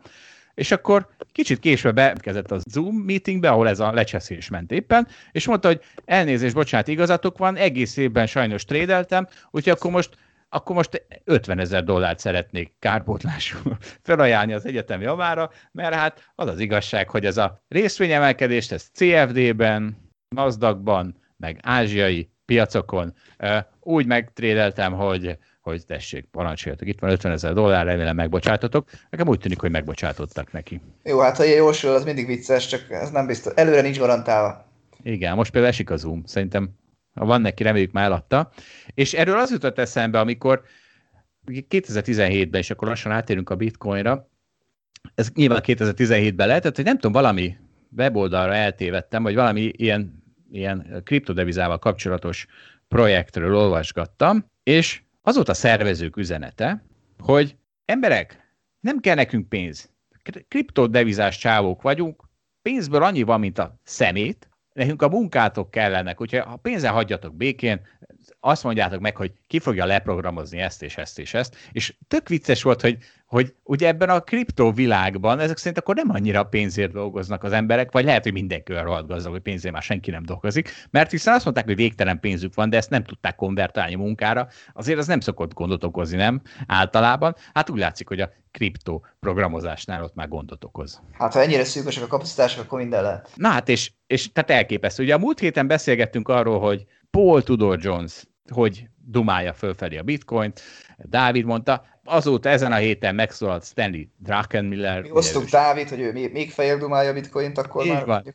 Most, nem, most elhagytuk Dávidot, most én dumálom fejebb a bitcoint. Valakinek jött, muszáj, igen. Jött Druckenmiller, ugye Druckenmiller az a soros jobb keze volt, amikor a fontot sortolták, és közölte, hogy ő is vásárolja, tehát ő is vásárolja a bitcoint, és aranya is van, és azt mondja, hogy ha az aranya jól fog performálni, akkor a bitcoin az még jobban fog performálni, és majd mindjárt rámegyünk. Tehát ugyanis azt mondja, hogy ez egy nagyon vékony piac még jelenleg, még nagyon illikvid piac, amire óriási pénzek várnak, állnak sorba, hogy rávetődjenek. Most beszéltem arról, hogy Druckenmiller hogyan állt be a bitcoin mögé, aki ugye már egy eléggé hagyományos pénzpiaci nagyágyú. Ray Dalio, nagyon vicces volt, van, van ugye az agyviharunk, arról már beszéltünk, ez a holdalapkezelőnek a piacokkal kapcsolatos egy-két órás beszélgetése, sok részevővel. De van egy, hát hívjuk úgy egy ilyen kriptodeviza agyvihar, blokkoló órának hívják, ahol olyan, a, ugye Szabó Dávid szervezi nyilván, vagy az ő környezete, és oda rengeteg ilyen kriptodevizás ember csatlakozik be. És ugye ez nagyon jó, mert így, hát így minden háttérhatalomnak a részese vagyok, hiszen ugye a, a pénzügyi háttérhatalomnak nyilván hát a holdalapkezelőben dolgozom, de a pénzügyi háttérhatalmat megdöntő kriptodeviza háttérhatalomnak is a részese vagyok, hogy én, én, én úgy érzem, én csak győztese lehetek a következő éveknek. Na és ezen a agyviharon, ezen a bitcoin agyviharon mondták, hogy hát a Ray Dalio is megtért, illetve elkezdett megtérni, ugyanis Ray Dalio, most direkt megnéztem, korábbi években ilyeneket nyilatkozott a bitcoin kapcsolatban, hogy nem jó érték megőrző, az egy buborék, tehát ugye a klasszikus értékalapú megközelítést választott a bitcoin szemben, hogy az egy hülyeség. Na most most megint nyilatkozott a témában, és most, most már egy fokkal közelebb jött a bitcoinhoz, mert közölte, hogyha a bitcoin ilyen ütemben szerez jelentőséget. Tehát, hogyha egy komoly eszközosztályá válik, akkor egyszerűen a hatóságok be fogják tiltani, amiben lehet, hogy igaza van, most nem ez a kérdés, hanem ezen a bitcoin nagyviaron ezt úgy illusztrálták, hogy talán sokan ismerik, van az a görbe, hogy egy ember mondjuk a betegségével hogyan birkózik meg, és az első fázis az a, a denial, vagy a visszautasítás, tagadás. tagadás, a második a düh, tehát hogy a fölötte érzett düh, a harmadik a, az alkudozás, a negyedik az elfogadás. És, a, és azt mondták, hogy na hát akkor Ray Dalio az első a tagadás fázisból átjutott a második a düh szakaszba, úgyhogy Ray Dalio is közeledik a bitcoinhoz, de hát nem csak ő, és nem csak Druckenmiller, hanem, na hát is ez volt a legelképesztőbb, szoktam ugye hallgatni a podcastjaimet, van egy olyan, hogy The Investors Podcast, azt nagyon ritkán szoktam hallgatni, most nem is tudom miért, miért, miért hallgattam, és csak megerősödött ez az érzésem. Ugye Cser Tamás mindig hallgatja, és sose értem, hogy miért mindig a mi szakmánkból hallgat dolgokat, mert ott olyan kevés újat tudnak már mondani. Tehát, hogy hát ugye ezt olvassuk napi 8 órában, tehát most még, még valaki podcastben elmondja ezt, tehát én ezt sose értettem, hogy miért nem valami egészen új területekre megy, majd, majd idézek olyat is, a, a, ami ilyen volt. A mindegy, szóval egy úgynevezett Raúl Pál. Az a, az a másik neve, hogy PAL, azért ez érdekes, nem? Ez valószínűleg magyar. Zsolt, nem tudtad, egy amerikai esetében mindig könnyű megtalálni a magyar gyökereket?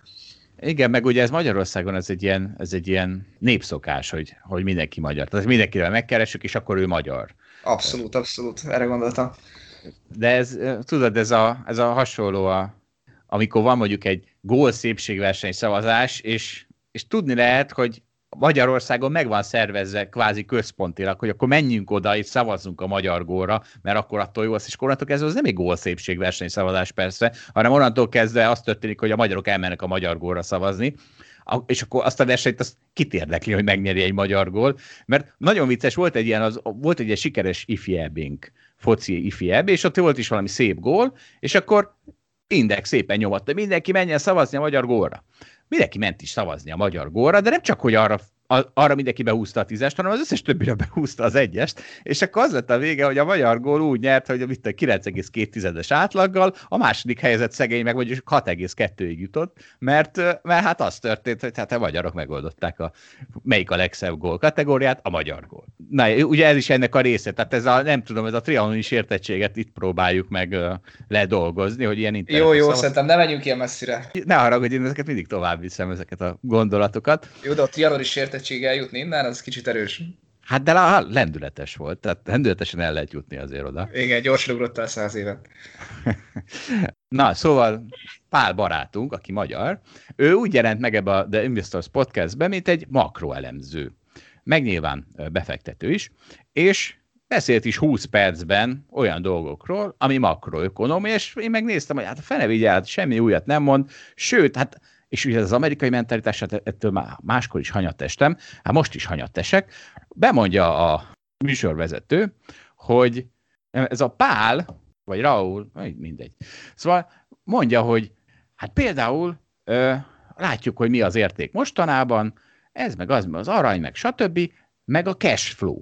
És akkor erre, a, és, és ugye ezért aztán persze, hogy fölmennek azok a cégek, amiknek óriási az árbevételük, és óriási a profit marginuk.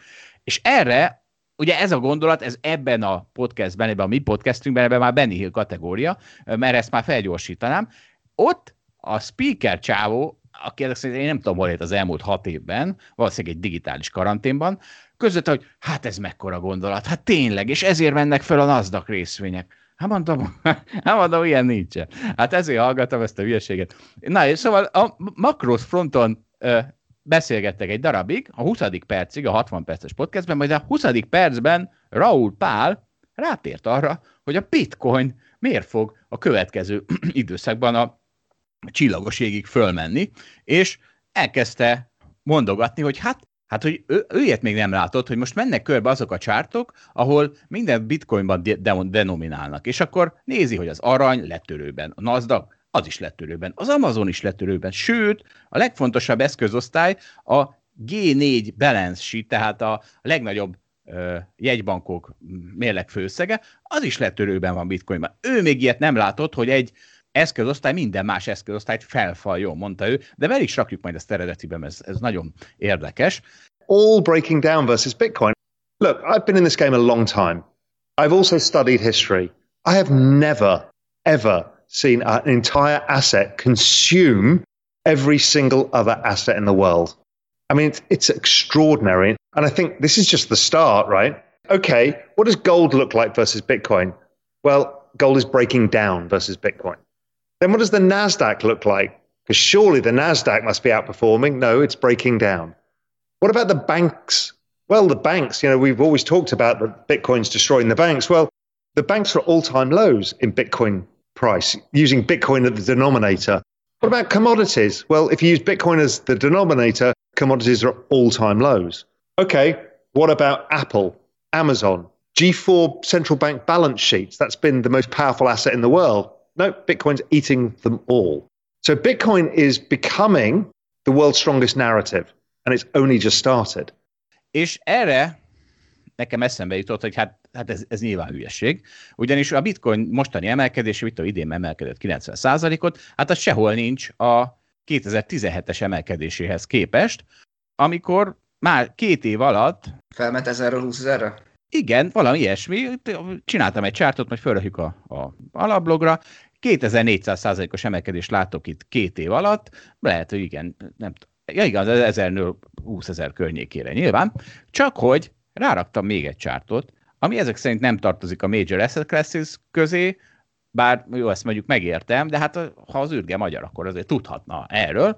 az Opus részvényt raktam rá, ami ugyanezen időszak alatt nem 2400 százalék, nem 24 szerezett, hanem 160 szorozott.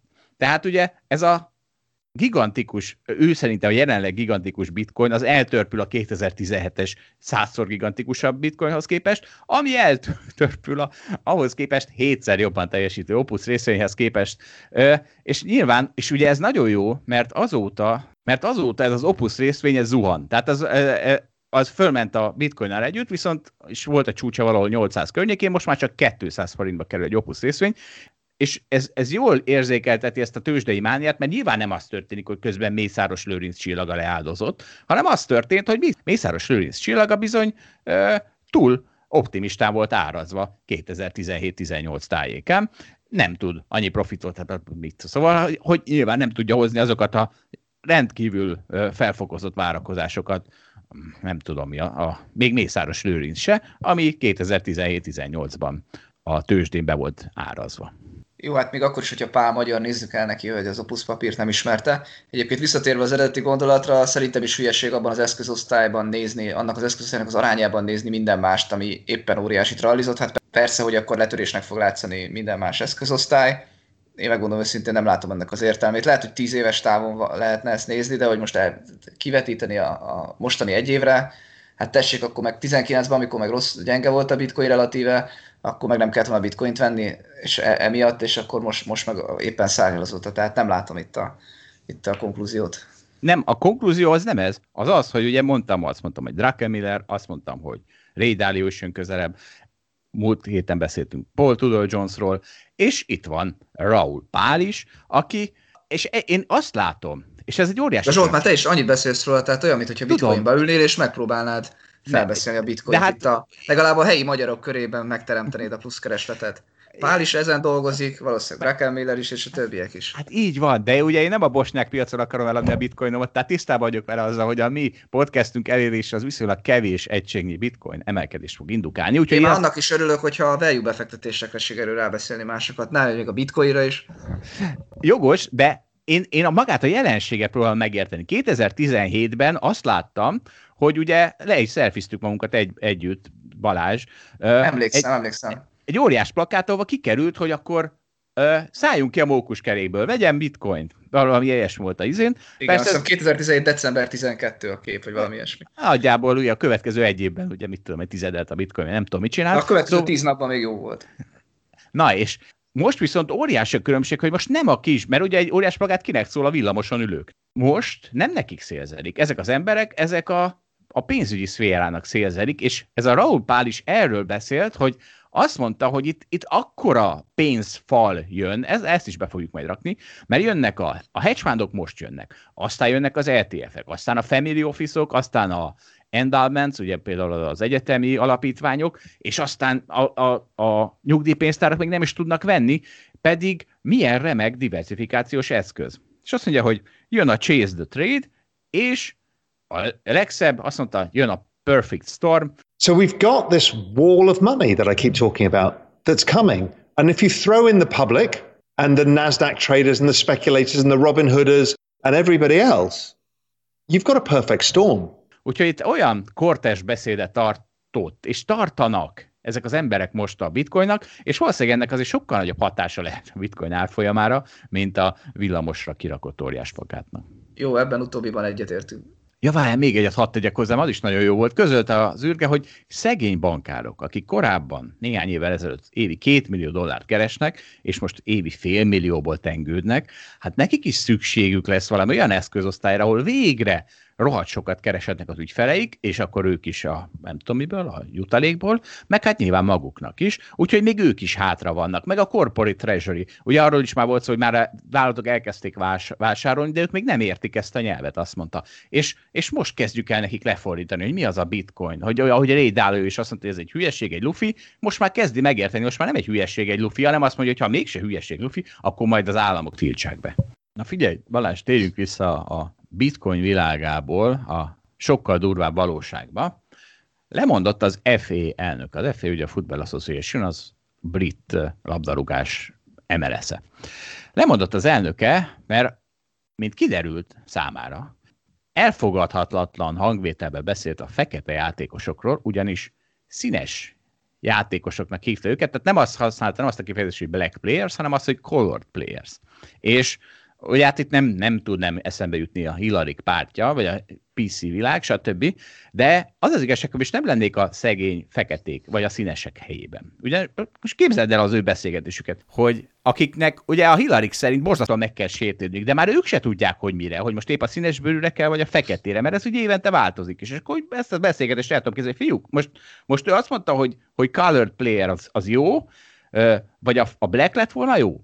Mondja a másik, hogy nem tudom, nézd meg az Excelben, vezetünk, de azt is nézd meg, hogy mikor mondta, mert nem, az most nem számít, hogy most mi van, az, amikor, amikor mondta, akkor mi volt. De figyelj, gyerekek, nem szaljuk mi ezt az egészet le, nem tök mindegy, hogy colored mond, vagy blacket mond. De tudod csak, hogy a hillary azok ezekből a műfelháborodásokból ássák az árkokat, és gyűjtik a szavazatokat, úgyhogy úgyhogy rajta kell lennünk a témám. Figyelj, én nem vagyok elég művelt ebben, hogy itt most uh, értékítéletet nyilvánítsak. Nem tudom, kit sértett meg és miért, el tudom képzelni, hogy igazad van. Inkább a korrupciót üldöznék ilyen erővel, az sokkal inkább tetszene nekem. De az nem jó, azt ők is csinálják, ugye? Azt, tehát a, van egy a, nagyon, jó, a, nagyon jó mondás erre a egyik kedvenc podcasterem szokta mondani, hogy a demokraták is, meg a republikánusok a barátaikat nyomják, csak mások a barátaik. Én most a futballszövetségekre mondtam a korrupciót, nem a demokrata pártra, de biztos ott is üldözni kell. Hát azért az a durvább, én azt hiszem. Tehát a kormányzati korrupció az keményebb, mint a... Gondolod? Szerintem Igen. elég durva sztorik vannak a futballszövetségben. Elhiszem, de ő mekkora pénz fölött diszponálnak, és az vajon közpénz? Jó, hát most persze, ez így igaz. Mi, hát az is, mind, szerintem minden közpénz. Ez, itt ja, igazad van, ez jó kérdés. Zsolt, ez mondjuk jogos, de azt gondolom, hogy a Nemzetközi Futballszövetségek is kapnak állami támogatást, bár, bár valószínűleg azoknak is utána kéne néznünk, hogy ők pontosan onnan kapnak. Nekik van egy bevételük, meg, tévé, meg valós tévé jogdíj bevételük. Tehát azért, az... azért, igen, valószínűleg. Nem a magyarból kell kiindulni. Na is Balázs, hát akkor hadd hillarizak ne hogy még egy cikket, mert az történt, ez jött szembe, hogy a Japan Airlines a harmadikként a világban az Air Canada és az EasyJet után bevezette, hogy ezentúl nem ladies and gentlemen lesz a megszólítása a repülőgépeken, mert az milyen brutálisan sértő, nem tudom kinek, hanem arra, mi arra törekszünk, hogy minden minden vevőnket megfelelő tisztelettel öveszünk, hogy ezentúl attention all passengers, tehát mit tudom én, kedves utasok, és good morning everyone, jó reggelt mindenki. Ezek lesznek a megszorítások, és akkor minden rendben lesz. És akkor itt most akkor megint, hát most akkor könyörgöm, most ugye mi történik? Ugye a PC világ miről szól? Nem arról szól, hogy nehogy valaki megsértődjön. Nem, arról szól, hogy én, Hillary, keresek egy embert, aki az én fejemben hát, ha megsértődik valamitől, és akkor ha van ilyen a világon, tudok keresni egyet, tudok kreálni, akkor viszont ehhez mindenki igazodjon. És, és tiltsuk be a humort, meg tiltsuk be a, a Ladies and Gentlemen megszólítást, és hát három légitársaság már ezt nagyszerűen követi ezt a, ezt a sémát, és hát akkor itt is ugye, hát érted, szegény hogy vannak a férfiak, vannak a nők, meg a többiek, szóval a szegény többiek felszállnak a repülőre, és egyszer csak nem ladies and gentlemen, hanem, hanem lepassengerezik, leutasozzák. Hát lehet, hogy ettől sértődik meg, hogy mi van, itt vagyok, én lady vagyok, és nem, nem, be, nem utas, hát jó, hogy nem plebejusnak hívnak. Ez mélyen megsértette az érzéseimet, és akkor mit fognak csinálni a Persze tudom, leszarják, mert szavazatot gyűjtenek, nem a problémát akarják megérteni, meg, megoldani. Zsolt, egy kicsit rácsavarodtál erre a témára, úgy látom nem csavarodtam rá, egyébként ez is, jó, hogy ezt mondod, vagy lehet, hogy rácsavarodtam, de pont jó, hogy ezt mondod, mert várj, most is találkoztam egy, szinte, ez egy filozófia podcastbe hallgattam, és akkor erre mondom, hogy mi a francia szakmabeli podcasteket hallgat az ember, amikor lehet filozófiát is, ahol ilyeneket tanultam, hogy például, ezt persze most már nem fog megtudni, hogy melyik görög filozófustól, megkérdezték, hogy miért cseszegeti folyton a másik görög filozófust, és azt mondta, hogy azért, mert hogyha az emberek valakit kiröhögnek, akkor onnantól kezdve kevésbé fogják áhítatosan szívni a szavait. Tehát, hogyha én erre rácsavarodok, és kiröhögtetem ezt az egész Hillary mozgalmat, akkor abba bízom, hogy akkor sokkal kevésbé lesz hatásuk az emberekre, sokkal kevésbé tudnak árkotásni. Tehát én itt értelem, itt a, World, a világ békért dolgozom, te meg, te meg rácsavarodásnak tudálod, ne haragudj, megsértetted az érzéseimet. Nem, az, az, azért, mert szerintem az, hogy ezzel foglalkoznak, ezzel a kérdéssel általában szerintem az jó. Az, hogy van 100 millió példa, amiben ez túl van tolva, meg amit én se értek, hogy mi történik, az, az, az, az járulékos veszteség ennek a témának, ki lehet bírni. Jó van, én akkor is tehetem, akkor kiröhögésre sarkalom a, az embereket a politikusokkal kapcsolatban. És Jó van, én meg hátba veregetlek, nagyon vicces volt, nevettem Na, Köszönöm szépen. Na szóval, Na várj, de, de azt mondta, hogy rácsavarodtam. Újabb podcastjaim jönnek. Hallgattam a Her, Unheard, erről már volt szó, vagy unheard.com. Igen, a, igen, a barátom, igen. aki számolja a svéd halottakat velem együtt. Két embert is meghívott. Az egyik nem más, mint Fukuyama. Ülj le nyugodtan, Balázs, nem kell vigyázálásban hallgatni. Fukuyama szavait, amik most következnek, és, és ugye hát most borzasztó nagy képű leszek, de amikor a saját szavaimmal, tehát azokat a szavakat, amire te azt mondod, hogy én csak rácsavarodtam, Fukuyama haknizik, hát figyelj, akkor az, az nekem egy katarzis, ne haragudj, mert az történt, hogy Fukuyama ugye hát a legliberálisabb politikus, tehát ő egy politikai jellemző. Fukuyama az, aki ugye megírt az End of History and the Last Man című könyvet, tehát hogy a, itt a történelem vége, 1992-ben írta, amikor a, elbukott a Szovjetunió, elbukott a szocialista blokk, és úgy tűnt, hogy akkor nyert a liberális demokráciák világrendje. És aztán azóta azért sokszor a fejéz megtek, hogy hát ha, hát azért ez nem így van, és azóta is magyarázza, hogy azért ezt ő se így gondolta, hanem az volt a mondani valója, hogy az, hogy eljutottunk a, tehát megoldódott mondjuk így a politikai társadalmi kérdések zöme ezáltal, hogy a liberális demokráciák messze a legjobb megoldást nyújtják a témára. Ezzel valójában kreáltak is egy problémát, és ez volt a The Last Man, mert sokaknak kell a küzdelem. És ezért lázadnak e, ezzel a modern társadalom konszenzus ellen, meg a stabilitás ellen, meg például ugye a konzer, konzumer idiotizmus ellen, amiről, ami ellen én is lázadok. Tehát azért ez összefér ez a kettő. Tehát, hogy ők nem konzum, konzumerek akarnak lenni, hanem továbbra is óriási harcosok, akik, én nem tudom, akik a, akik a focisz válogatottoknak szurkol, az még a békésebb verzió, de hát esetleg aki háborúzik a szomszédos országgal. Tehát, hogy legyen, legyenek, eh, nem tudom, kalandjaik az életükben. Zsolt, szerintem itt ezek párhuzamosan megférnek egymás mellett. Tehát erős nemzettudat, liberális demokrácia, történelem vége, ezek, ezek megférnek egymás mellett. Itt, itt nem látom az ellen ellentmondás. Tehát minden embernek szüksége van egy, egy csomó mindenre. És lehet egy embernek több mindenre. Tehát egyszerre lehet egy, egy erős identitásod, egyszerre vágyhatsz, nem tudom, arra, hogy szociálisan legyen egy védőháló mögötted, egyszerre vágyhatsz arra, hogy erős demokráciában éljél, ezek, ezek mind megférnek, és most ráhúzhatod, hogy az egyik az nem tudom, a középre szavaz a liberális pártra, a másik a baloldalra, a harmadik meg a jobb oldalra, ez, ez mindegyiknek, mind, csomó embernek szükség van mindegyikre. Nekem is például. Ezt jól mondod, tehát Fukuyama is ilyesmiket mond, csak hát ugye, hogyha ezeket a szükségeket, ezeket valahol csillapítod, akkor, akkor már is egy sokkal élhetőbb világ lesz. Tehát ugye ez ugye, tehát érted, azért, mert ezek, te, ugye ez, az a szoktál érvelni, hogy ezek természetes vágy dolgok. Na de hát a természetes vágya az embernek az erőszak, az irítség, az önzés, az agresszió. Érted? Tehát és ezeket is mégis meg csitítani, meg tompítani, és ha a gyerekeket egyből arra kezdjük el nevelni, hogy nem csak ő van a világon, ne legyen önző, pedig az a legtermészetesebb érzés, ami benne van egy, egy emberben, kezdetekből fogva, hát próbálnak rávenni azt a gyereket, hogy adja oda a játékát a, a másiknak, hát még, én nekem még a tíz éves is alig sikerül, pedig azt már neveljük egy ideje. Szóval Fukuyama is ezzel, és az is az üzenete, hogy Bidentől a polarizáció nem elmúlni fog, hanem ugye mitől fog elmúlni, ami, ami, ami mellett meg én haktizok, hogy ne hagyd, hogy a politika politika fogást találjon rajtad. Mert az a baj ezekkel a dolgokkal, hogyha a, a politika ezen keresztül talál rajtad fogást, és fölnagyítja. Megcsinálja a szekértáborait. Tehát igenis van ezekkel probléma is, úgy, ahogy meg azt is mondhatjuk, hogy igen, bele kell, hogy féljen az életbe. És, és a foci válogatott ilyen, ami, ami segíthetne a depolarizálásnak. De kivéve, ha direkt polarizásra használják implicite. Tehát akkor már, akkor már ez egy nem így van. És ugye ez a klímaváltozásra is igaz. Tehát ez,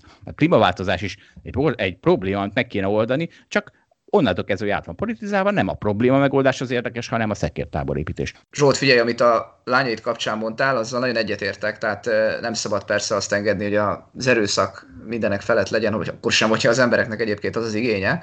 Tehát ilyen szempontból fontos az, hogy ez a törzsi gondolkodás ne térjen vissza, és bizonyos alapok legyenek, de ezen belül én azt gondolom, hogy a nemzettudat, továbbra is mondom, vagy a liberális demokrácia az megfér egymás mellett. Ha most a Magyarország Izlandot vesszük, akkor például lehet, lehet valaki hatalmas Magyarország szurkoló, nem kell, hogy gyűlölje az izlandiakat, én remélem egyébként, hogy nincs is így, én nem gondolom, hogy a magyar szókról gyűlölik az izlandiakat, sem a játékosaikat, se, se az országot. Ilyen értelemben ez, ez teljesen rendben van, hogy valaki szurkol nagyon Magyarországnak. Még mindig Fukuyamától idézek.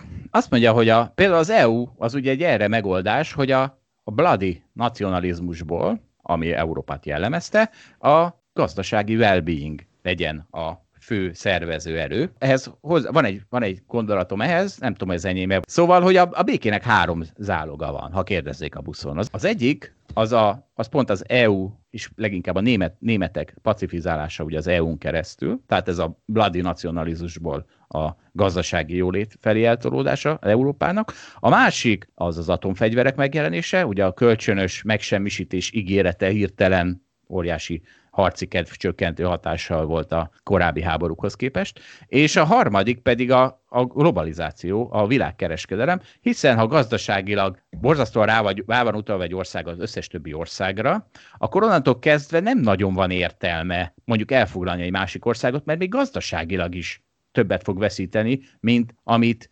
nyerhetne vele, mert jó, elfoglaltam egy aranybánát, de az semmit sem ér ahhoz képest, hogy a globális kereskedelemből mennyit profitál egy ország. És hogyha ugye megnézzük, mert hol van, hol nincs tehát hol nincs béke, vagy hol nem volt béke, így, mondjuk így a civilizált világban az elmúlt nagyon hosszú időszak alatt, mások világháború óta. Például ugye Jugoszláviát szokták ilyenkor mondani, meg, meg az orosz-ukránt. Na de hát könyörgem, ők pont azért nem tartoznak kvázi a fejlett világba, mert ott még ez a nacionalizmus, ez fölül tudta írni a béke ezen zálogait. Ők azt mondták, hogy engem nem érdekel a gazdasági jólétem, engem az érdekel, hogy az a másik, amelyik nem szerbül beszél, hanem horvátul, az, az mit tudom én, mit csináljon. Nem minden mögött a nacionalizmus van, ez kicsit rosszul látod szerintem, de pont mondod, hogy olvastad a miért el a nemzeteket, szerintem ez sokkal jobban meg van fogalmazva, hogyha az eliteknek nem érdekük, vagy nem tudják kisajátítani az országot, meg az ország erőforrásait, akkor, akkor lesz ez jó, és hogyha ezt meg tudják tenni, lásd Oroszország, meg az ösztönzők is arra mutatnak, hogy ezt megéri megtenni, akkor, akkor van baj. Azt ugye mögött mi az ideológia éppen, hát most hol nacionalizmus, hol nem. Dél-Amerikában tudnék mutatni egy-két kommunista példát is. Jó, megint Fukuyama, és most Kelet-Európa, mert az is nagyon érdekes volt. Azt mondta, nem tudom ezzel mennyivel értek egyet vagy sem, de, ezt, de tök érdekes volt. Azt mondta, hogy azok, akik a szocializmusból jöttek, azok értékelik a szabadságot. Tehát azok, akik éltek a szocializmusban, az idősebbek, azok azoknak ez egy óriási érték, hogy Európában lehet közlekedni. Viszont az avokádók, hát ezt nem ő mondta, ezt én, ők ezt magától értetődőnek tekintik, és ezért keresnek egyéb dolgokat, amikre aspirálhatnak, és az a baj, hogy mivel ezt teljesen természetesnek veszik, hogy szabadság van, teljesen természetesnek veszik, és az, az már másokra is igaz, azt a gazdasági jólétet, ami, ami, amiben vagyunk, ezért aztán megkockáztatják azt, hogy az ezeket biztosító dolgot gyökerestül felforgatják. Ugye ez leginkább, ugye most az Egyesült Államokra koncentrálnak, tehát az Egyesült Államokban van ez a BLM, meg ezek a, a tüntetések, ugye defund the police, tehát eltörölni a, a rendőrséget. Tehát ezek, a, ezek olyan, olyan dolgok, amik azért komolyan veszélyeztetik a rendszer stabilitását, azért, mert valamiféle, a rendszernek valamiféle mellékhatása ellen akarnak küzdeni. Tehát ugye aggódnak a feketék sorsa miatt, miközben a feketéknek soha nem volt olyan jó sorsuk, mint most, és azt leginkább ez a rendsz, ezek a rendszerek tették lehetővé, ami ellen most kétségbe esetlen küzdenek. Zsolt, ezzel teljesen egyetértek. Egy, egy mellékszára viszont hagyugorjak rá, múlt héten beszélgettem egy barátommal, aki Amerikában doktorál közgazdaságtanból, és azt állította, hogy az avokádozás az nagyon mellé megy, mert az ő tapasztalata szerint Amerikában az öregek legalább ugyanúgy eszik az avokádót, mint a fiatalok. Te nekik van pénzük, ők megteltik, érted? Tehát az avokádót azért kaptátok, mert miközben nyafogtok, hogy nem lehet lakást venni, akközben az avokádó szendvicset azért megveszitek. Tehát érted? A gonosz boomer szivarral a szájába megteheti, hogy kaviárral töltött avokádót tegyen. Jogos, jogos, meghajlok a magyarázat előtt. Na és akkor Fuku, Fukuyama is, meg a következő Unheard.com beszélgető partner is, megegyeztek gyakorlatilag abban, és velem is, hogy nem nagyon van különbség a baloldali és a jobboldali identity politika között, sőt, mondhatjuk a rasszizmus között. És ez nagyon jó, ez már a második, ez már egy másik beszélgető partner mondta, azt mondta, neki van egy jobb javaslata arról, hogy miért borultak a pollok a amerikai elnökválasztással kapcsolatban, még ha kevésbé is borultak, most már kiderült, mint amennyire az elején számítottunk rá, de az így is borultak. És azt mondta, hogy azért borultak, mert nem a Trump szavazókat nem tudták már felmérni a polszterek, hanem a a demokrata párt szavazókat. Ugyanis az elmúlt négy évben nem az volt a változás, hogy Trump egyre kevésbé lett szalonképes, mert ő pont inkább egyre szalonképesebb lett, hiszen azzal, hogy ott itt dúl már négy éve, most már egyre többen vonják meg a vállukat, hogy hát igen, hát ez egy marha, ez van. Viszont a demokrata párt lett egyre kevésbé szalonképes. És erre a demokrata pártnak egy rengeteg szavazója mondta azt, ott ugye, amikor, mert a barátainak nem merte ezt mondani, de amikor bemegy a szavazó fülkébe, akkor azt mondja, hogy figyeljetek, van két rasszista párt. Mondjuk a, mind a kettőnek a szére rasszista nyilván, de hát mindegy, most így leegyszerűsítem ezt a dolgot. Van két rasszista párt, csak az egyiknél a fehérségem pozitívum, a másiknál a fehérségem negatívum, hát akkor ha már rasszista pártra kell szavaznom, akkor szavazok arra, ahol előny a fehérségem. Tehát érted, ez is egy, ez egy tök érdekes gondolat szerintem. Fukuyamának szer- például... Ez egy óriási meg... hülyeség. Hát jól van. Majd megadom Fukuyama. Folytasd csak, folytasd csak.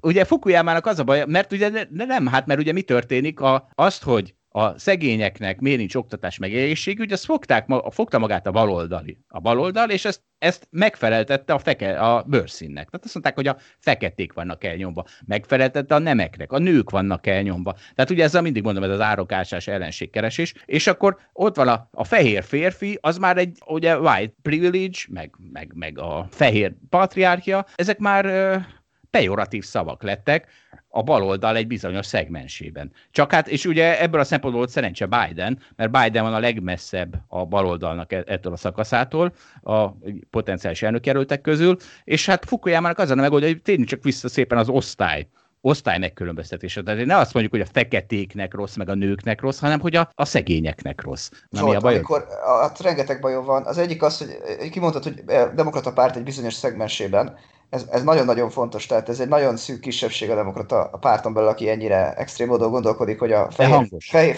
fehér férfi az egy, egy, egy egybe bűnös, és éppen ja. amikor te hillerizel, lehet, hogy hangos, figyelj, és amikor te hillerizel, akkor pontosan az egész demokrata pártot megvádolod ezzel, ez pont ugyanolyan, mint amikor azt gondolod, hogy tehát te ugyanúgy egyszerűsítesz, mint azok, akik rasszisták, meg azok, akiket, akiket egyébként támadsz. Az a baj. Tehát, tehát te megvádolsz mindenkit az egyszerűsítésével, és aztán te magad csinálsz egy, egy még nagyobb egyszerűsítést. Ugye én nem vádolok meg mindenkit, én mindig azt mondom, hogy a Hillary. Tehát aki nem Hillary, az a, ne vegye magát. A, a Hillary. De ha, gondolj bele, hogy a Hillary-re szavazott a demokrata párt nagy része, és a hillary a nagy része nem gondolja azt, hogy a fehér férfiak eredetben bűnösök, vagy nem gondolja azt, hogy be kéne zárni a rendőrséget. Csak Balázs, ezt Szerinted a demokrata párt hány százaléka? Én nem tudom, hát fogalmam Hát nyilvánvalóan egy nagyon szűk kisebbség. De azt se láttam volna, hogy a izék elhatárolódnak tőle. Tehát nem az van, hogy mi úgy elhatárolódok, ha ugyanilyen jellegű identity politiktől. Tehát érted? Tehát nem... Szerinted tehát, demokrata politikusok nem határolódtak el attól, hogy be kéne zárni a rendőrséget?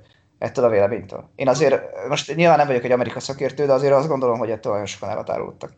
És attól, hogy white privilege, én azt nem látom, és hogy patriarchia, én azt sem látom. Tehát azért ez nem, nem az van, hanem az van, hogy ez a... Persze, persze ez ugyanolyan, mint amikor a republikánus párt sem határolódik el a Trumpnak a legnagyobb hülyességétől. Na, és nem határolódik el... Szemükre is veted?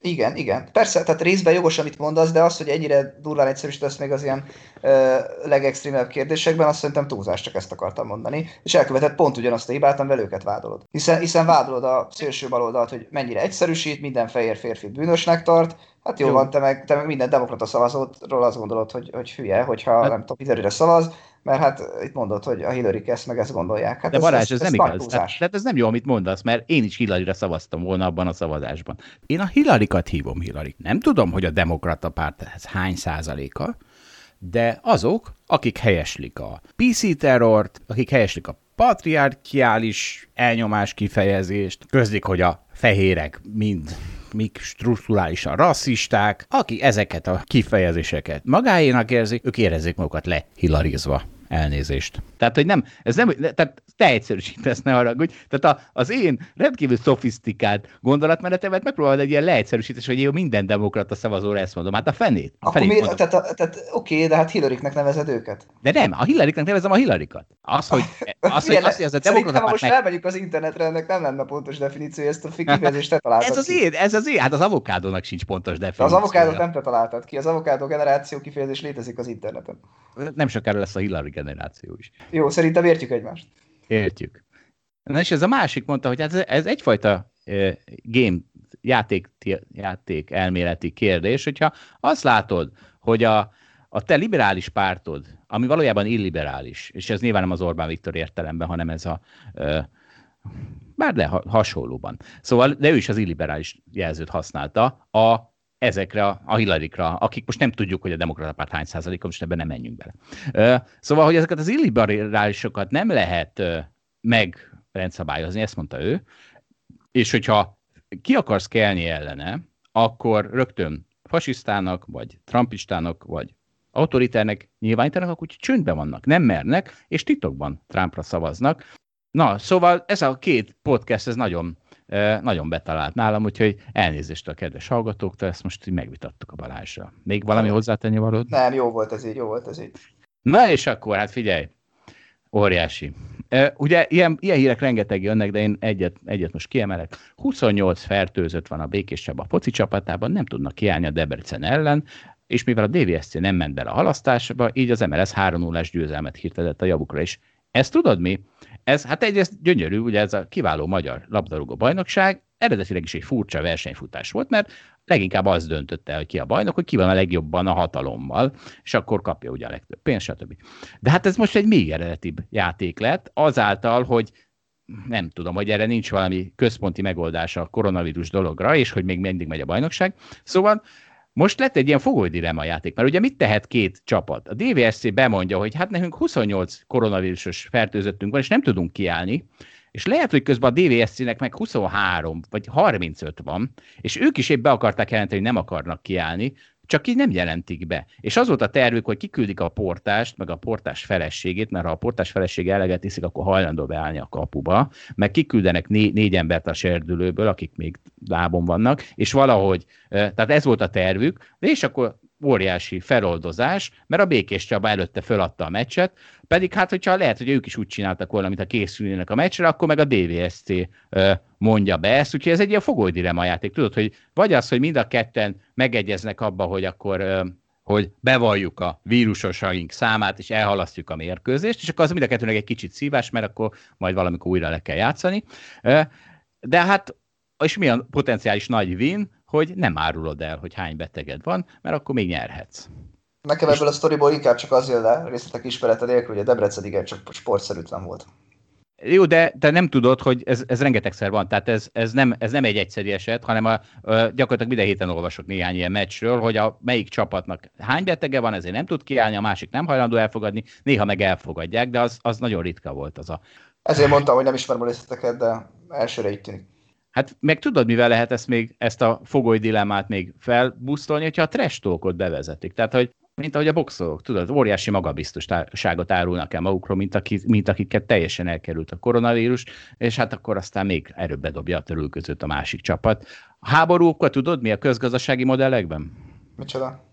Az, hogy nem tudják a, a részvevő felek, ugye a háború az egy óriási baromság, mert hiszen hogyha előtte kiegyeznél valamiféle jóvátétel fizetésben, és, és, akkor, és akkor nem ölnek meg egy csomó embert, az egy sokkal jobb kimenet, de ehelyett megölnek egy csomó embert, és aztán rabolják le az országot. Na most a közgazdasági modellekben ugye, tehát ez egy tiszta hülyeség, és az az oka, hogy mindkét küzdő fél felülbecsüli, vagy legalábbis az egyik biztosan felülbecsüli a saját képességeit, és úgy gondolja, hogy egy egy, egy konszenzus megállapodásnál jobb feltételeket tud kiharcolni azzal, hogyha csatába megy, és legyilkolja a lakosságának a nem tudom hány százalékát.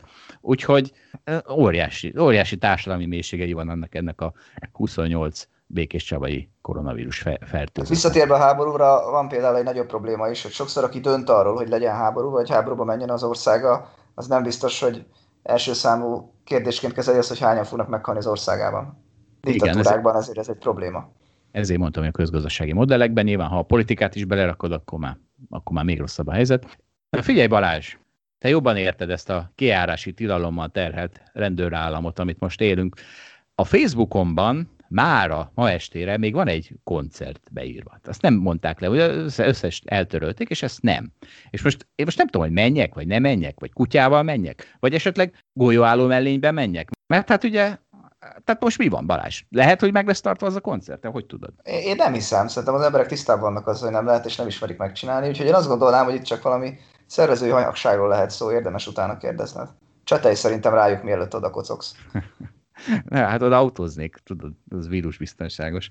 Ja, bocs, azt hittem, hogy addig is törvényszex. Nem. Na, hát akkor elértünk a végéhez, reméljük, hogy senki sem este 8 és reggel 5 között hallgatta ezt az adást, mert sose lehet tudni, hogy mi veszélyes és mi nem. A viszont hallásra. Viszont hallásra, sziasztok!